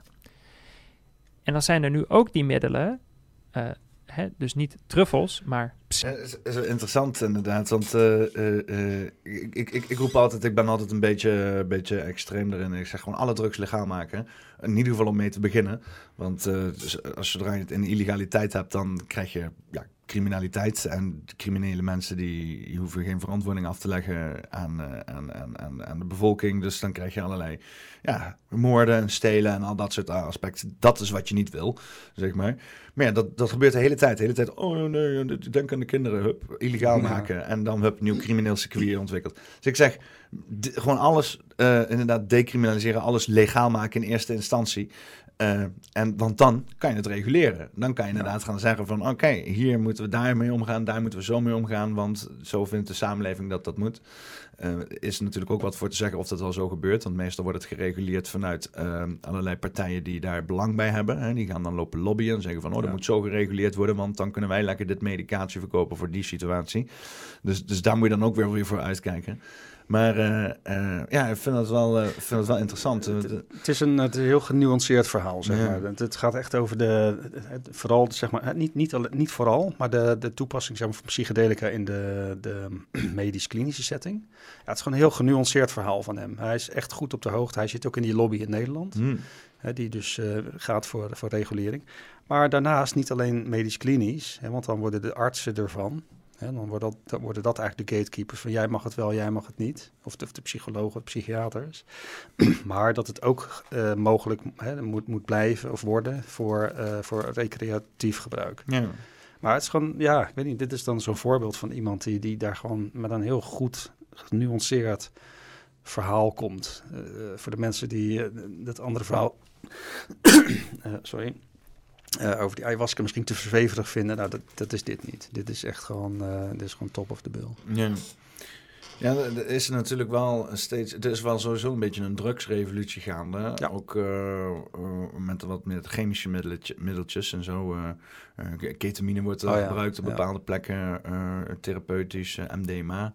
Ehm, eh, en, en, en, en ja, ze zijn, ze zijn nu al een hele tijd ook aan het kijken naar psychedelica. Alleen wat dan het probleem is, eh, is dat er dan inderdaad zo'n big pharma op zit die eh, dat niet kan patenteren. Want het is een natuurproduct. En het is, is Nee, maar die gaan dan varianten. eh, gaan ja, die gaan dus nu de chemische Ja. middeltjes maken. En dan krijg je zo meteen synthetische psychedelica. En daar gaat het ook weer helemaal fout. Want dan heb je dus in plaats van dat jij inderdaad. eh, en want ik, ik geloof ook nog eens een keer dat je het best eh, het product kan doen van waar het vandaan komt. Want die Zeker, aarde, die ja. grond probeert jou Ja. iets te vertellen. En Ja. daar moet je mee connecten. Dus ik heb ook zoiets van ayahuasca moet je eigenlijk doen daar waar het gegroeid is. Namelijk in Zuid-Amerika. En hier moet je dingen doen die hier groeien. De paddenstoelen, de truffels. Vliegenzwam. Eh, ja, als je in de, woestijn bent, de, de, de cactussen en al dat soort dingen. Eh, weet je, je moet dan die omgeving en dan die omgeving die, die, die, die, die, eh, sluit jou in een veilige situatie om de maximaal uit dat product te halen op een, op een, op een eh, holistische of een spirituele manier. Maar er, er, eh, wat in ieder geval belangrijk is, is die elementen. eh, Want heel veel, heel veel- wat die wetenschap doet met die substanties, alles eruit halen wat in hun eh, Ja. idee niet effectief is. En dan, dan alleen maar het pure concentraat van de effectieve stof overhouden en dat helemaal vermenigvuldigen en dan maximaal erin houden. Terwijl al die randproducten vaak in, in zowel als in voeding, maar ook in allerlei substanties, of het dan wiet is of vooral met eten is dat vaak trouwens, meer dus, dus, dus de paddo's en de truffels en zo. Er zitten allerlei mineralen en dingen aan die zijn, complementair aan die, aan die hele ervaring die je hebt. En dat halen ze er dan allemaal uit. Ja, precies. Dus, dus dat is dan als dus je gaat ook wel weer die de, de toekomst straks, de materiële versie van deze rare revolutie zien van mensen die gewoon volledig de kunstmatigheid induiken en dan daar proberen therapeutisch van beter te worden. Ik ben, ben wel benieuwd of dat zal grappig zijn als dat dan volledig faalt, zeg maar. Dat, wel natuurlijk jammer van alle Ja. mensen die eraan meedoen, maar ja. Ja, maar goed, aan de andere kant zou je kunnen zeggen in een, in een therapeutische sessie, als het werkt. ja, dat is het. Als het werkt, dan werkt het. Ja. Ja. Ja. Maar volgens mij, ik, ik zou het even opnieuw moeten kijken, die podcast, maar volgens mij was die daar niet heel bang voor. Nee? Nou ja, kijk, de huidige ehm, psychedelica, die kunnen ze natuurlijk niet patenteren. Dus ze zullen varianten moeten maken, zeg maar, die ze kunnen patenteren. Ja, maar dat is toch gewoon al een, dat hele dat systeem, die, dat moet Ja. kapot. Dat, mo- dat moet niet bestaan. nee, moet, nee, dat, moet, niet, mensen Ja. moeten niet. Nee, dat is, maar dat is een ander verhaal. Ja, dat is wel, dat is wel Ja. waar. eh, intellectual property en zo. Dat is ook, is ook, want, eh, dat is ook heel leuk als je nadenkt over dat je je ideeën uit een veld haalt waar iedereen toegang tot hebt. En dat jij dan dan een soort Oh, van ja. antenne bent er Oh, doorheen ja. letten. En dan, dan erover nadenken dat je dus inderdaad de, de privilege hebt om eh, iets te tappen uit een veld. Hè? Waar jij dan, eh, ben, en dan te zeggen, ja, dit is van mij. Dit, Ja, dit, dit mag wel. niemand meer gebruiken, want het is mijn idee. Eh, dat is ook al, dat is, dat is eigenlijk ook al heel, is heel materialistisch. Is dat, Eh, ja, ik, ik hoop dat we daar ooit eens een keer vanaf komen. Je ziet natuurlijk al wel dat er heel veel creëerders en muzikanten, als ze losstaan van allerlei maatschappijen, wel echt gewoon de, eh, de prikkel hebben om dingen te delen met elkaar. Ja. Maar ja, dan zie je ook weer dat inderdaad alle industrieën erop hangen. En die kunnen ja, dan niet de, de catalogus uitbaten als iedereen dat maar zomaar gaat gebruiken. Dus, Ja. dus er zitten overal allerlei van die instanties op die... ieder- het lijkt wel alsof zeg maar, iedereen behoefte heeft aan al dit soort zaken. Alleen er zitten allerlei instanties bovenop die dat voorkomen vanwege geld. Ja, als je eraan kan verdienen, ja. ja. Ja. Als je er een meter op kan zetten. Denk je dat we nog een beetje uit de hele geldmatrix komen? Als in van, eh, dat, dat is een statussymbool, je moet geld verdienen. Het- Nou ja, kijk, dat is natuurlijk waar we het natuurlijk de hele tijd over hebben. Hè. Dus het is natuurlijk de man, het is, dat is wat je gaat denken als je alleen maar in een, in een materiële wereld leeft. Want dan is dat het enige om naar te streven, toch? Mm. Groot Ja, huis en weet ik het allemaal. Ik kan me herinneren dat ik, dat in één zo'n eh, zo'n sessie zat, zo'n ayahuasca-sessie. En wat zag ik? Ik zag zo'n heel mooi ehm, beeld van een, van een hele luxe villa-wijk ergens, waar ik wel eens langs fiets. En, en toen ik dat beeld zag, in die ervaring, had ik echt zoiets van... Zo onbelangrijk. Ja. Zo onbelangrijk. Maar ik kan het niet eens uitleggen hoe, hoe, hoe ik dat ervoer op dat moment. Had ik echt zoiets van... maar daar zijn mensen gewoon continu de hele dag eigenlijk mee bezig. Met Ja. geld verdienen en werk en om maar dat soort dingen. En als je dan... Je woont al mooi, maar dan ga je meer verdienen. Dan ga je ook nog eens een keer verhuizen om nog groter te gaan wonen. En toen realiseerde ik me zo van... Het is zo'n klein deel van de werkelijkheid. Het is zo'n klein aspect eigenlijk. Het, het is zo veel meer dan alleen maar dit soort dingen. En het is natuurlijk makkelijk. Als je zelf niet zo'n groot huis hebt, natuurlijk ga ik dat dan roepen. Weet je wel. eh, maar ja, ergens, als je dit soort ervaringen hebt, dan, dan ga, je, ga je, ja, ik weet niet, je gaat je focus leggen op hele andere dingen. Ja, en wat het stom is, als je dan een groot huis hebt, dan ben je er op een gegeven moment klaar mee. Ja, dat is een half Dan jaar, kan, hè? kan je er niet eens meer van genieten. Ja. Dus alles is een half jaar. Dus Ja, als je een half miljoen verdient, ben na een half jaar ben je, ben je eraan gewend. Ja, dat is. eh, dat, ik ben met, met, met alles in. Ik had met, al vrij vroeg eh, met scooters en zo. Ik wou dan de mooiste scooter hebben. En dan had ik eh, al het geld opgemaakt en de mooiste fucking scooter. En dan op een gegeven moment dan, ja, ben er Ja. gewend. De mensen die enthousiast waren erover in het begin, die, zijn, die, die gaan ervan uit dat jij met je mooie scooter komt. Hè? En eh, liefst willen ze hem nog lenen ook nog. En ja, dat, Ja. is, is niet helemaal niet. het, ja, dat, dat najagen van materieel en dan daarmee pronken, dat is, dat is een hele lege rit. En ja, Ja, maar goed, wat ze, dan, wat ze dan zeggen is, ja, het klootjesvolk, die roept dat natuurlijk, omdat ze niks hebben. Hè, maar dat is het niet, weet je wel. Nogmaals, als je gewoon in een wat, wat ruimer bewustzijn zit, dan ga je andere dingen waarderen. Dan ga je zien hoe alles samenhangt, hoe je onderdeel bent van de kosmos.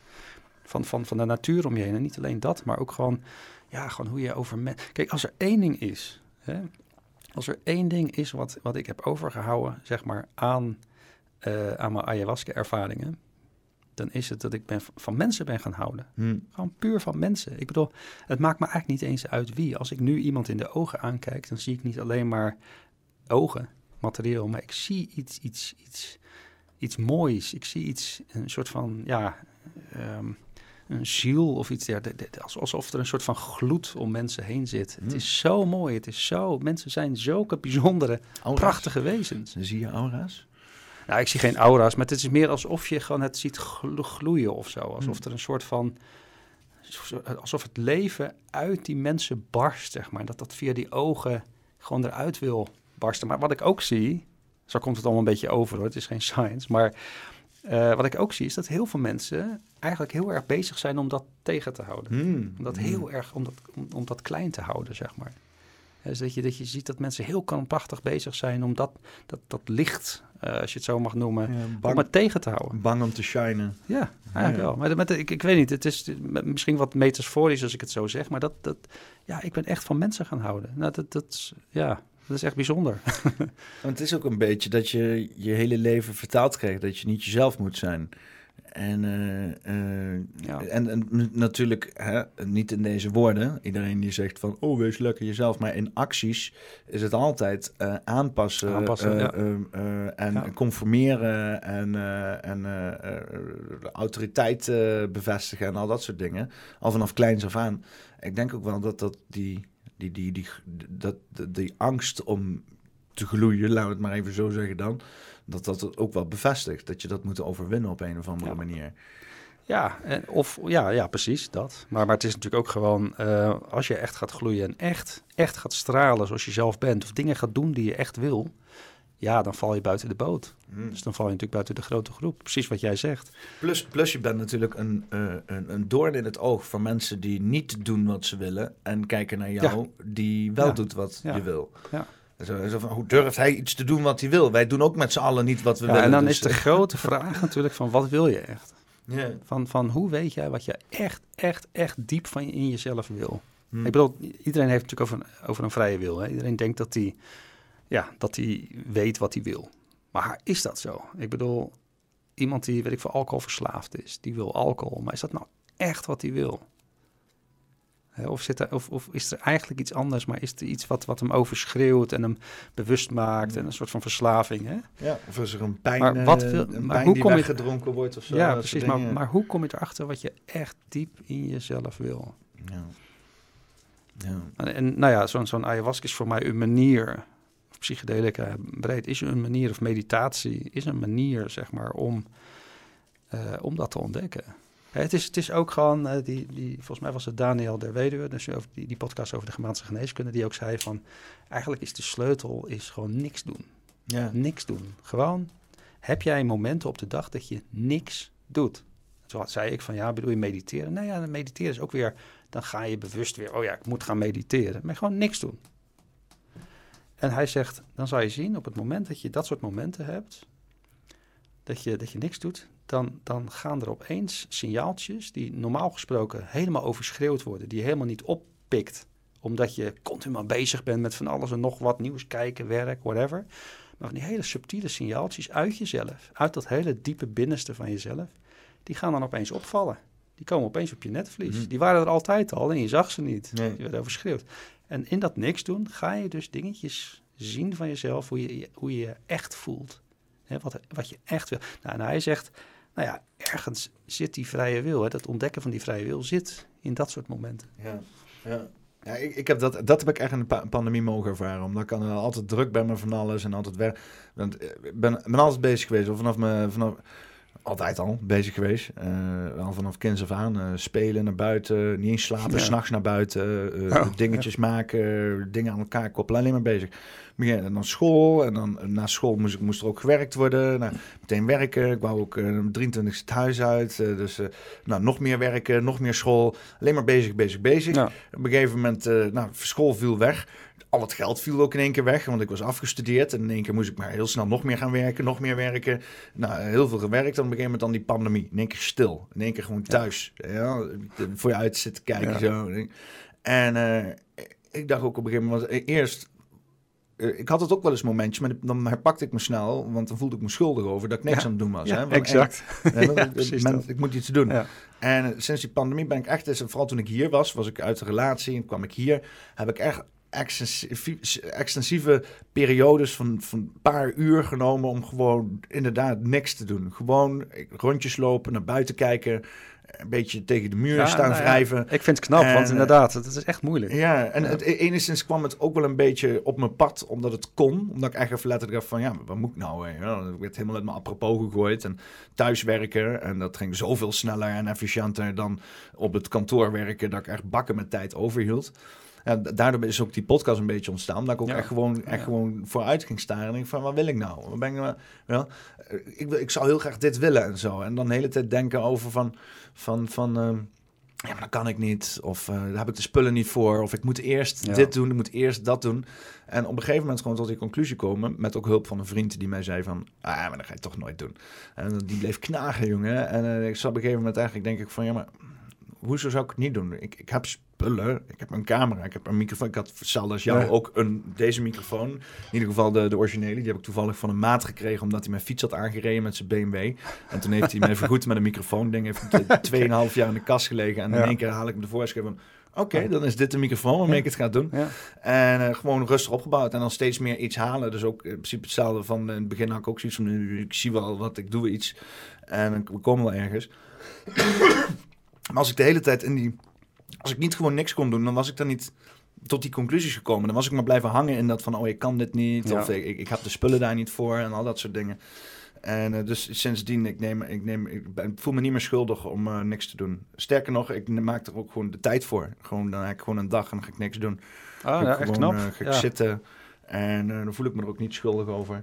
En ik, ik plan het nooit in hoor. Dat zijn gewoon momenten dat, eh, dat ik echt denk van, eh, van nu heb ik dat echt even nodig. Moet, als het te veel is en zo, dan ga ik gewoon...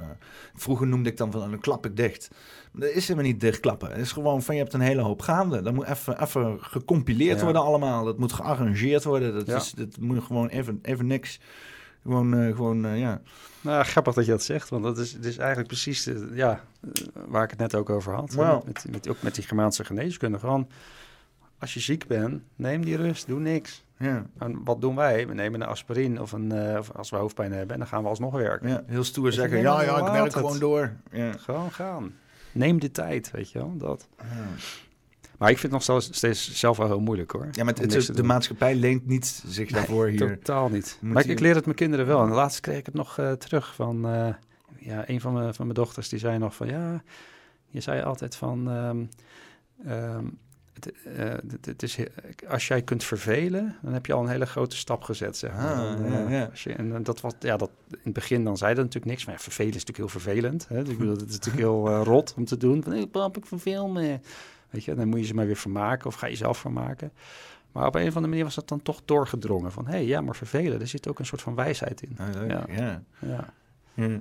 En, en dan word je daar zelf aan herinnerd, zeg maar. eh. Eigenlijk wel. Maar het, is, het, het voelt natuurlijk heel kloten soms. Als je echt niks doet. Ja. Weet je, dan, dan ga je precies wat jij zegt. Ook van schuldig voelen. Ja. En, en, Ja, maar het is of, dat of, je, of je bent heel erg... Je wordt heel erg geconfronteerd met jezelf. Ja, ja, ja. Toch?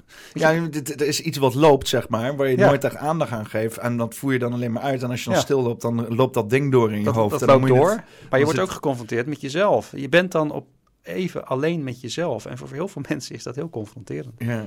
Dat natuurlijk voor mezelf ook af en toe. Maar Ik, in het begin van, de, van dit gesprek eh, begon ook over dat je een, een veel betere relatie hebt met het leven en met dingen. En dan moest ik ook meteen denken, want ik zeg het ook al de laatste van mij, dat, ik- dat ik inmiddels een relatie begin te krijgen met het universum zelf. Ja. En dat ik dus inderdaad in dit soort momenten dat je alleen bent met jezelf, eigenlijk voor mij altijd al voelt dat ik nooit meer alleen ben. Ik ben, ja, ja. al- ik ben altijd samen ja. met het universum. En dat moet meteen denken aan mensen die eh, godsdienstig zijn. Zeggen van, oh, God is altijd van me. God houdt altijd, dus ik ben nooit alleen.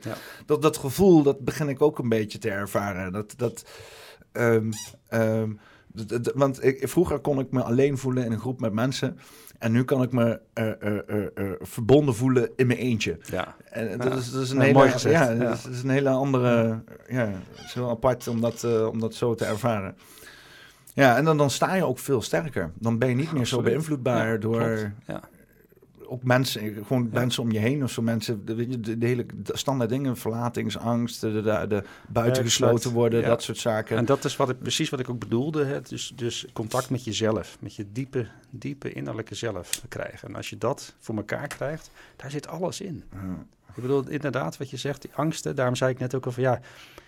Ja, want je vroeg ook van waar ben jij dan bang voor? Ja, vroeger zou ik dat anders beantwoord hebben, zeg maar. Maar tegenwoordig heb ik veel meer dat vertrouwen van hé, hey, weet je, ik, ik, ik, ik zal niet zeggen dat ik altijd heel erg met mezelf verbonden ben. Eh, misschien zelfs juist niet. Dat, ik, dat, dat er meer momenten zijn waarop ik die verbinding weer even voel.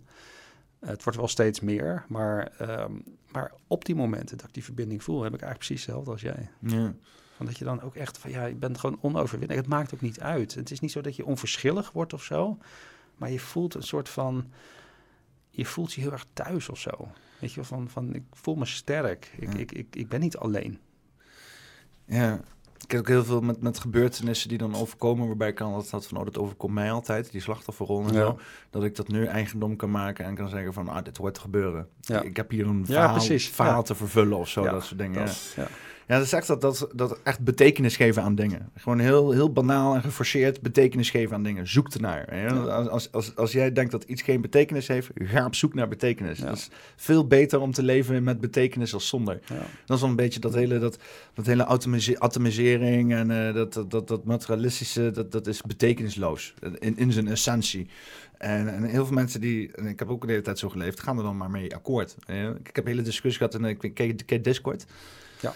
Eh, ik heb een, server gemaakt met de podcastmensen, het 400 man en eh zitten we altijd eh, een beetje in de voice chat eh, te ouwe Ah, en zo. Er Ah, is altijd wel elke dag zijn er wel tien mensen in de voice chat gaande.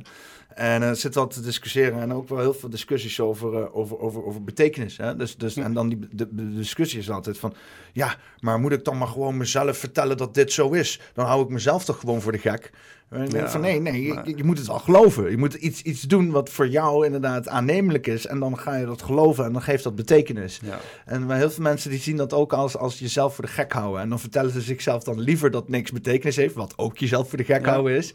Dan dat ze het een, iets geven, een, een bepaald verhaal waar ze, waar ze mee kunnen, hè, waar Ja. ze kunnen beleven. En dat is puur volgens mij ook aan de angst om geridiculiseerd te worden. Hè, Dat, dat dus- speelt echt mee, ja, zeker. Ja. Ja. ja, interessant dat je, dat, dat je dat eigenlijk hetzelfde proces eh, doormaakt. Ja. Ja, grappig. Ik, ik, we maken volgens mij sowieso allemaal hetzelfde door. Misschien allemaal op andere momenten. Maar eh, ik heb wel, eh, vooral met heel veel gesprek te hebben met mensen. En iedereen verwoordt het eh, heel anders. En Ja. iedereen die heeft er een heel andere emotionele uiting bij.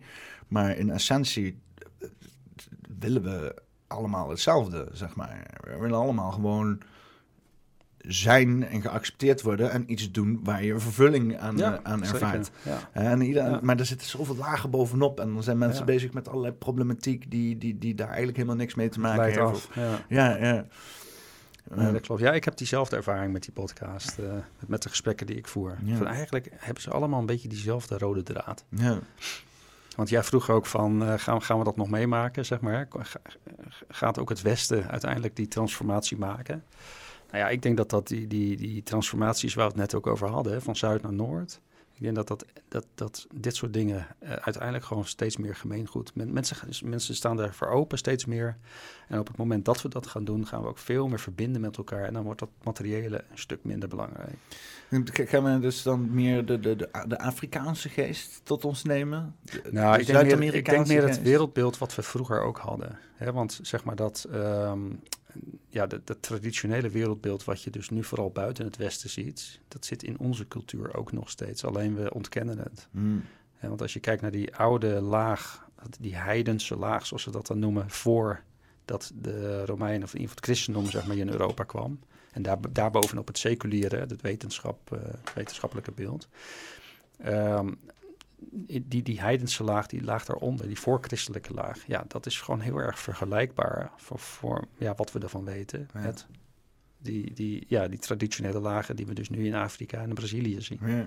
Ja, dus ergens zit het al in onze identiteit. En, en dat probeer ik eigenlijk ook gewoon een soort van ehm, ja, te begrijpen met die podcast. Ook mensen uit te nodigen en, en met elkaar zeg maar, ook naar die, die diepere laag te gaan. Het is niet zo dat het bij ons volledig weg is. We hebben het weggeschreven, maar dat wil niet zeggen dat het weg is. Hmm. Er zit nog zoveel spiritualiteit, een esoterie zeg maar, in, in ons denken, in onze identiteit. Maar we willen het niet zien. Nee. En dat is ook waar mijn neef dan, Wouter Hanegraaf, waar ik die podcast over de hermetica eh, over heb gedaan. Die, die heeft daar eigenlijk zijn levenswerk van gemaakt. En dit noemt hij dan rejected knowledge. Verworpen kennis. Ehm, maar, maar het hele feit dat, het, dat we het niet lezen, dus bijvoorbeeld Newton had jij het over, hè, dat was ook een alchemist. Ja, daar hebben we het eigenlijk niet over. Het is niet, het is niet eh, dat we het helemaal niet weten, maar het wordt, er wordt altijd nadruk gelegd op zijn wetenschappelijke werk en nooit op die alchemie. Nou, maar dat zit er nog steeds in. Een heel groot deel van onze identiteit is nog steeds gewoon esoterisch, ja, spiritueel. Ja. En, en dat moeten we opnieuw gaan erkennen en gaan ontdekken en weer gaan omarmen.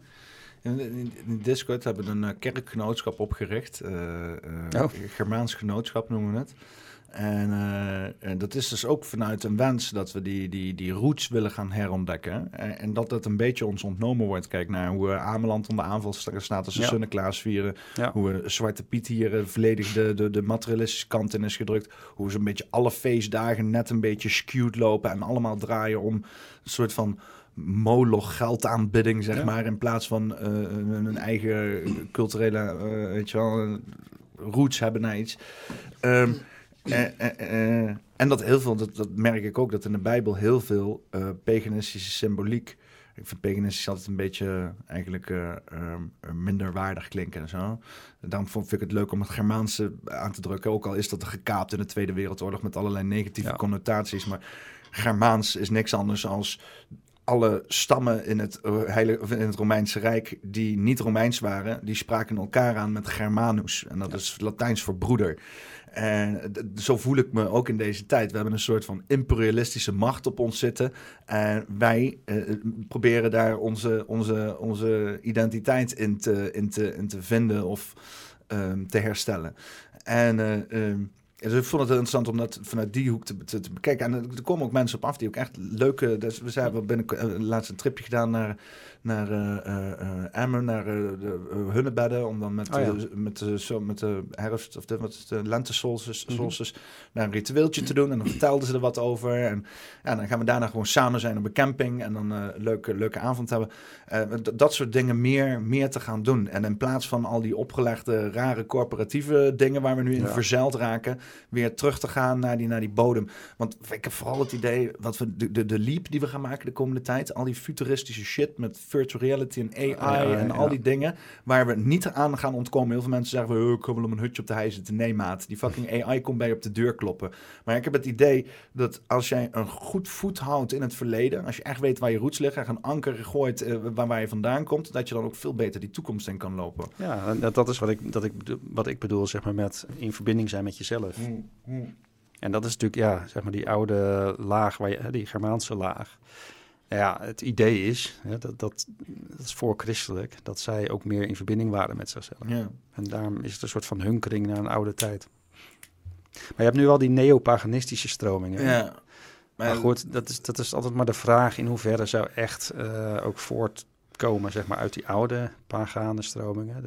Er zijn de meningen over verdeeld. Nee, ik, er is gewoon heel weinig bekend hè, over het Europa voor de Romeinen. Ja, nou ja, je ziet het alleen door de ogen van de Romeinen. Ja. En, uh, en er is nog wel een hele hoop oraal uh, overgebracht, ook nog Ja. door, uh, door de tijd heen.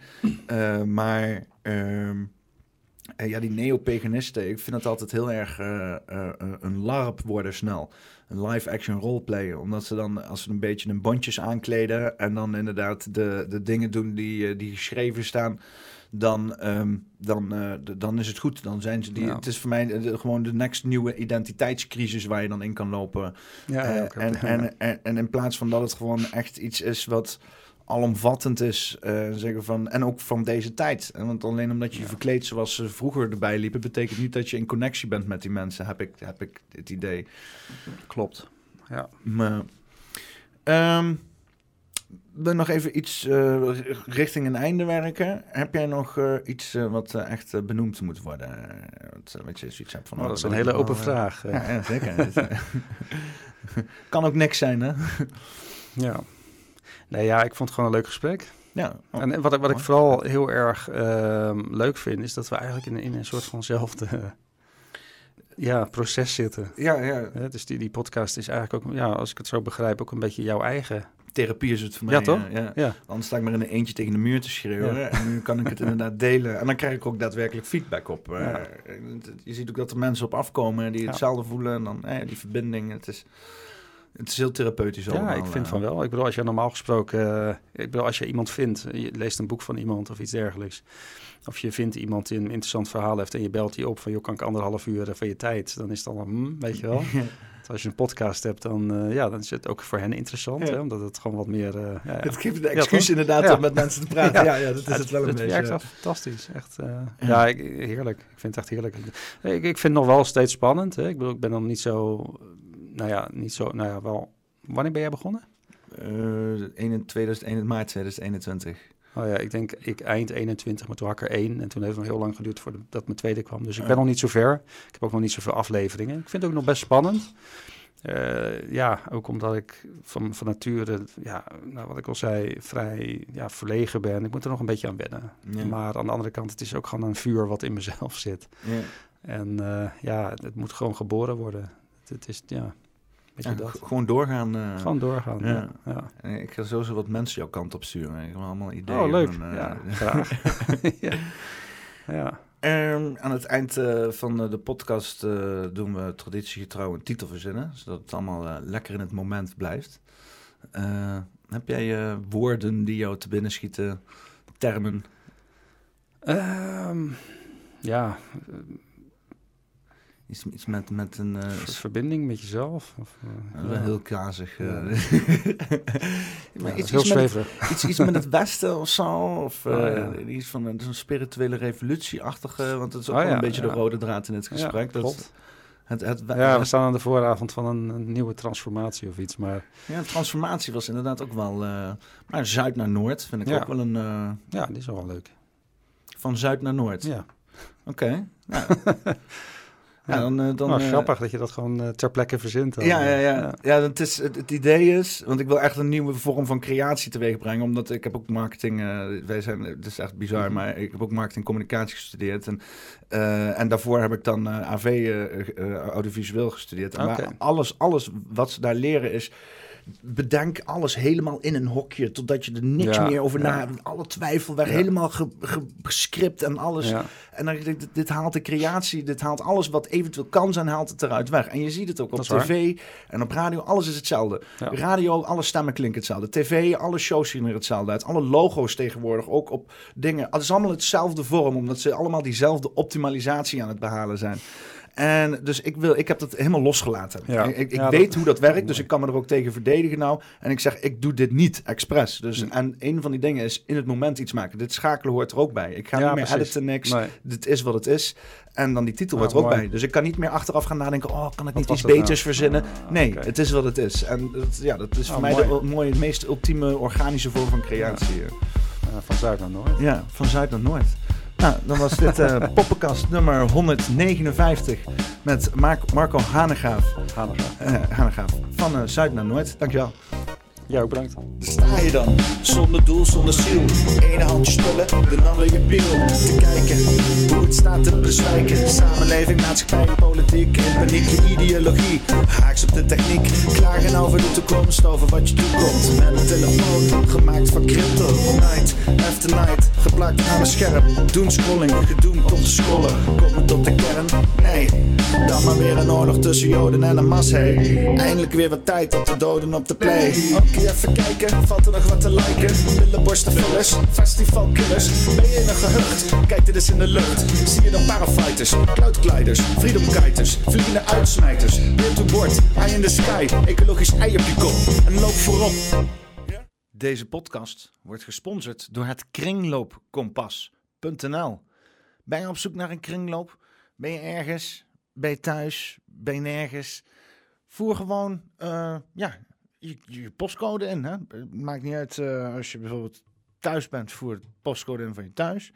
Maar ben je ergens anders en wil je gewoon even langs een kringloop, zoals je zeg maar naar de supermarkt kan of naar een groot concern, maar je hebt geen zin om mee te doen aan allerlei eh weggooi materialisme en eh plant obsolescence.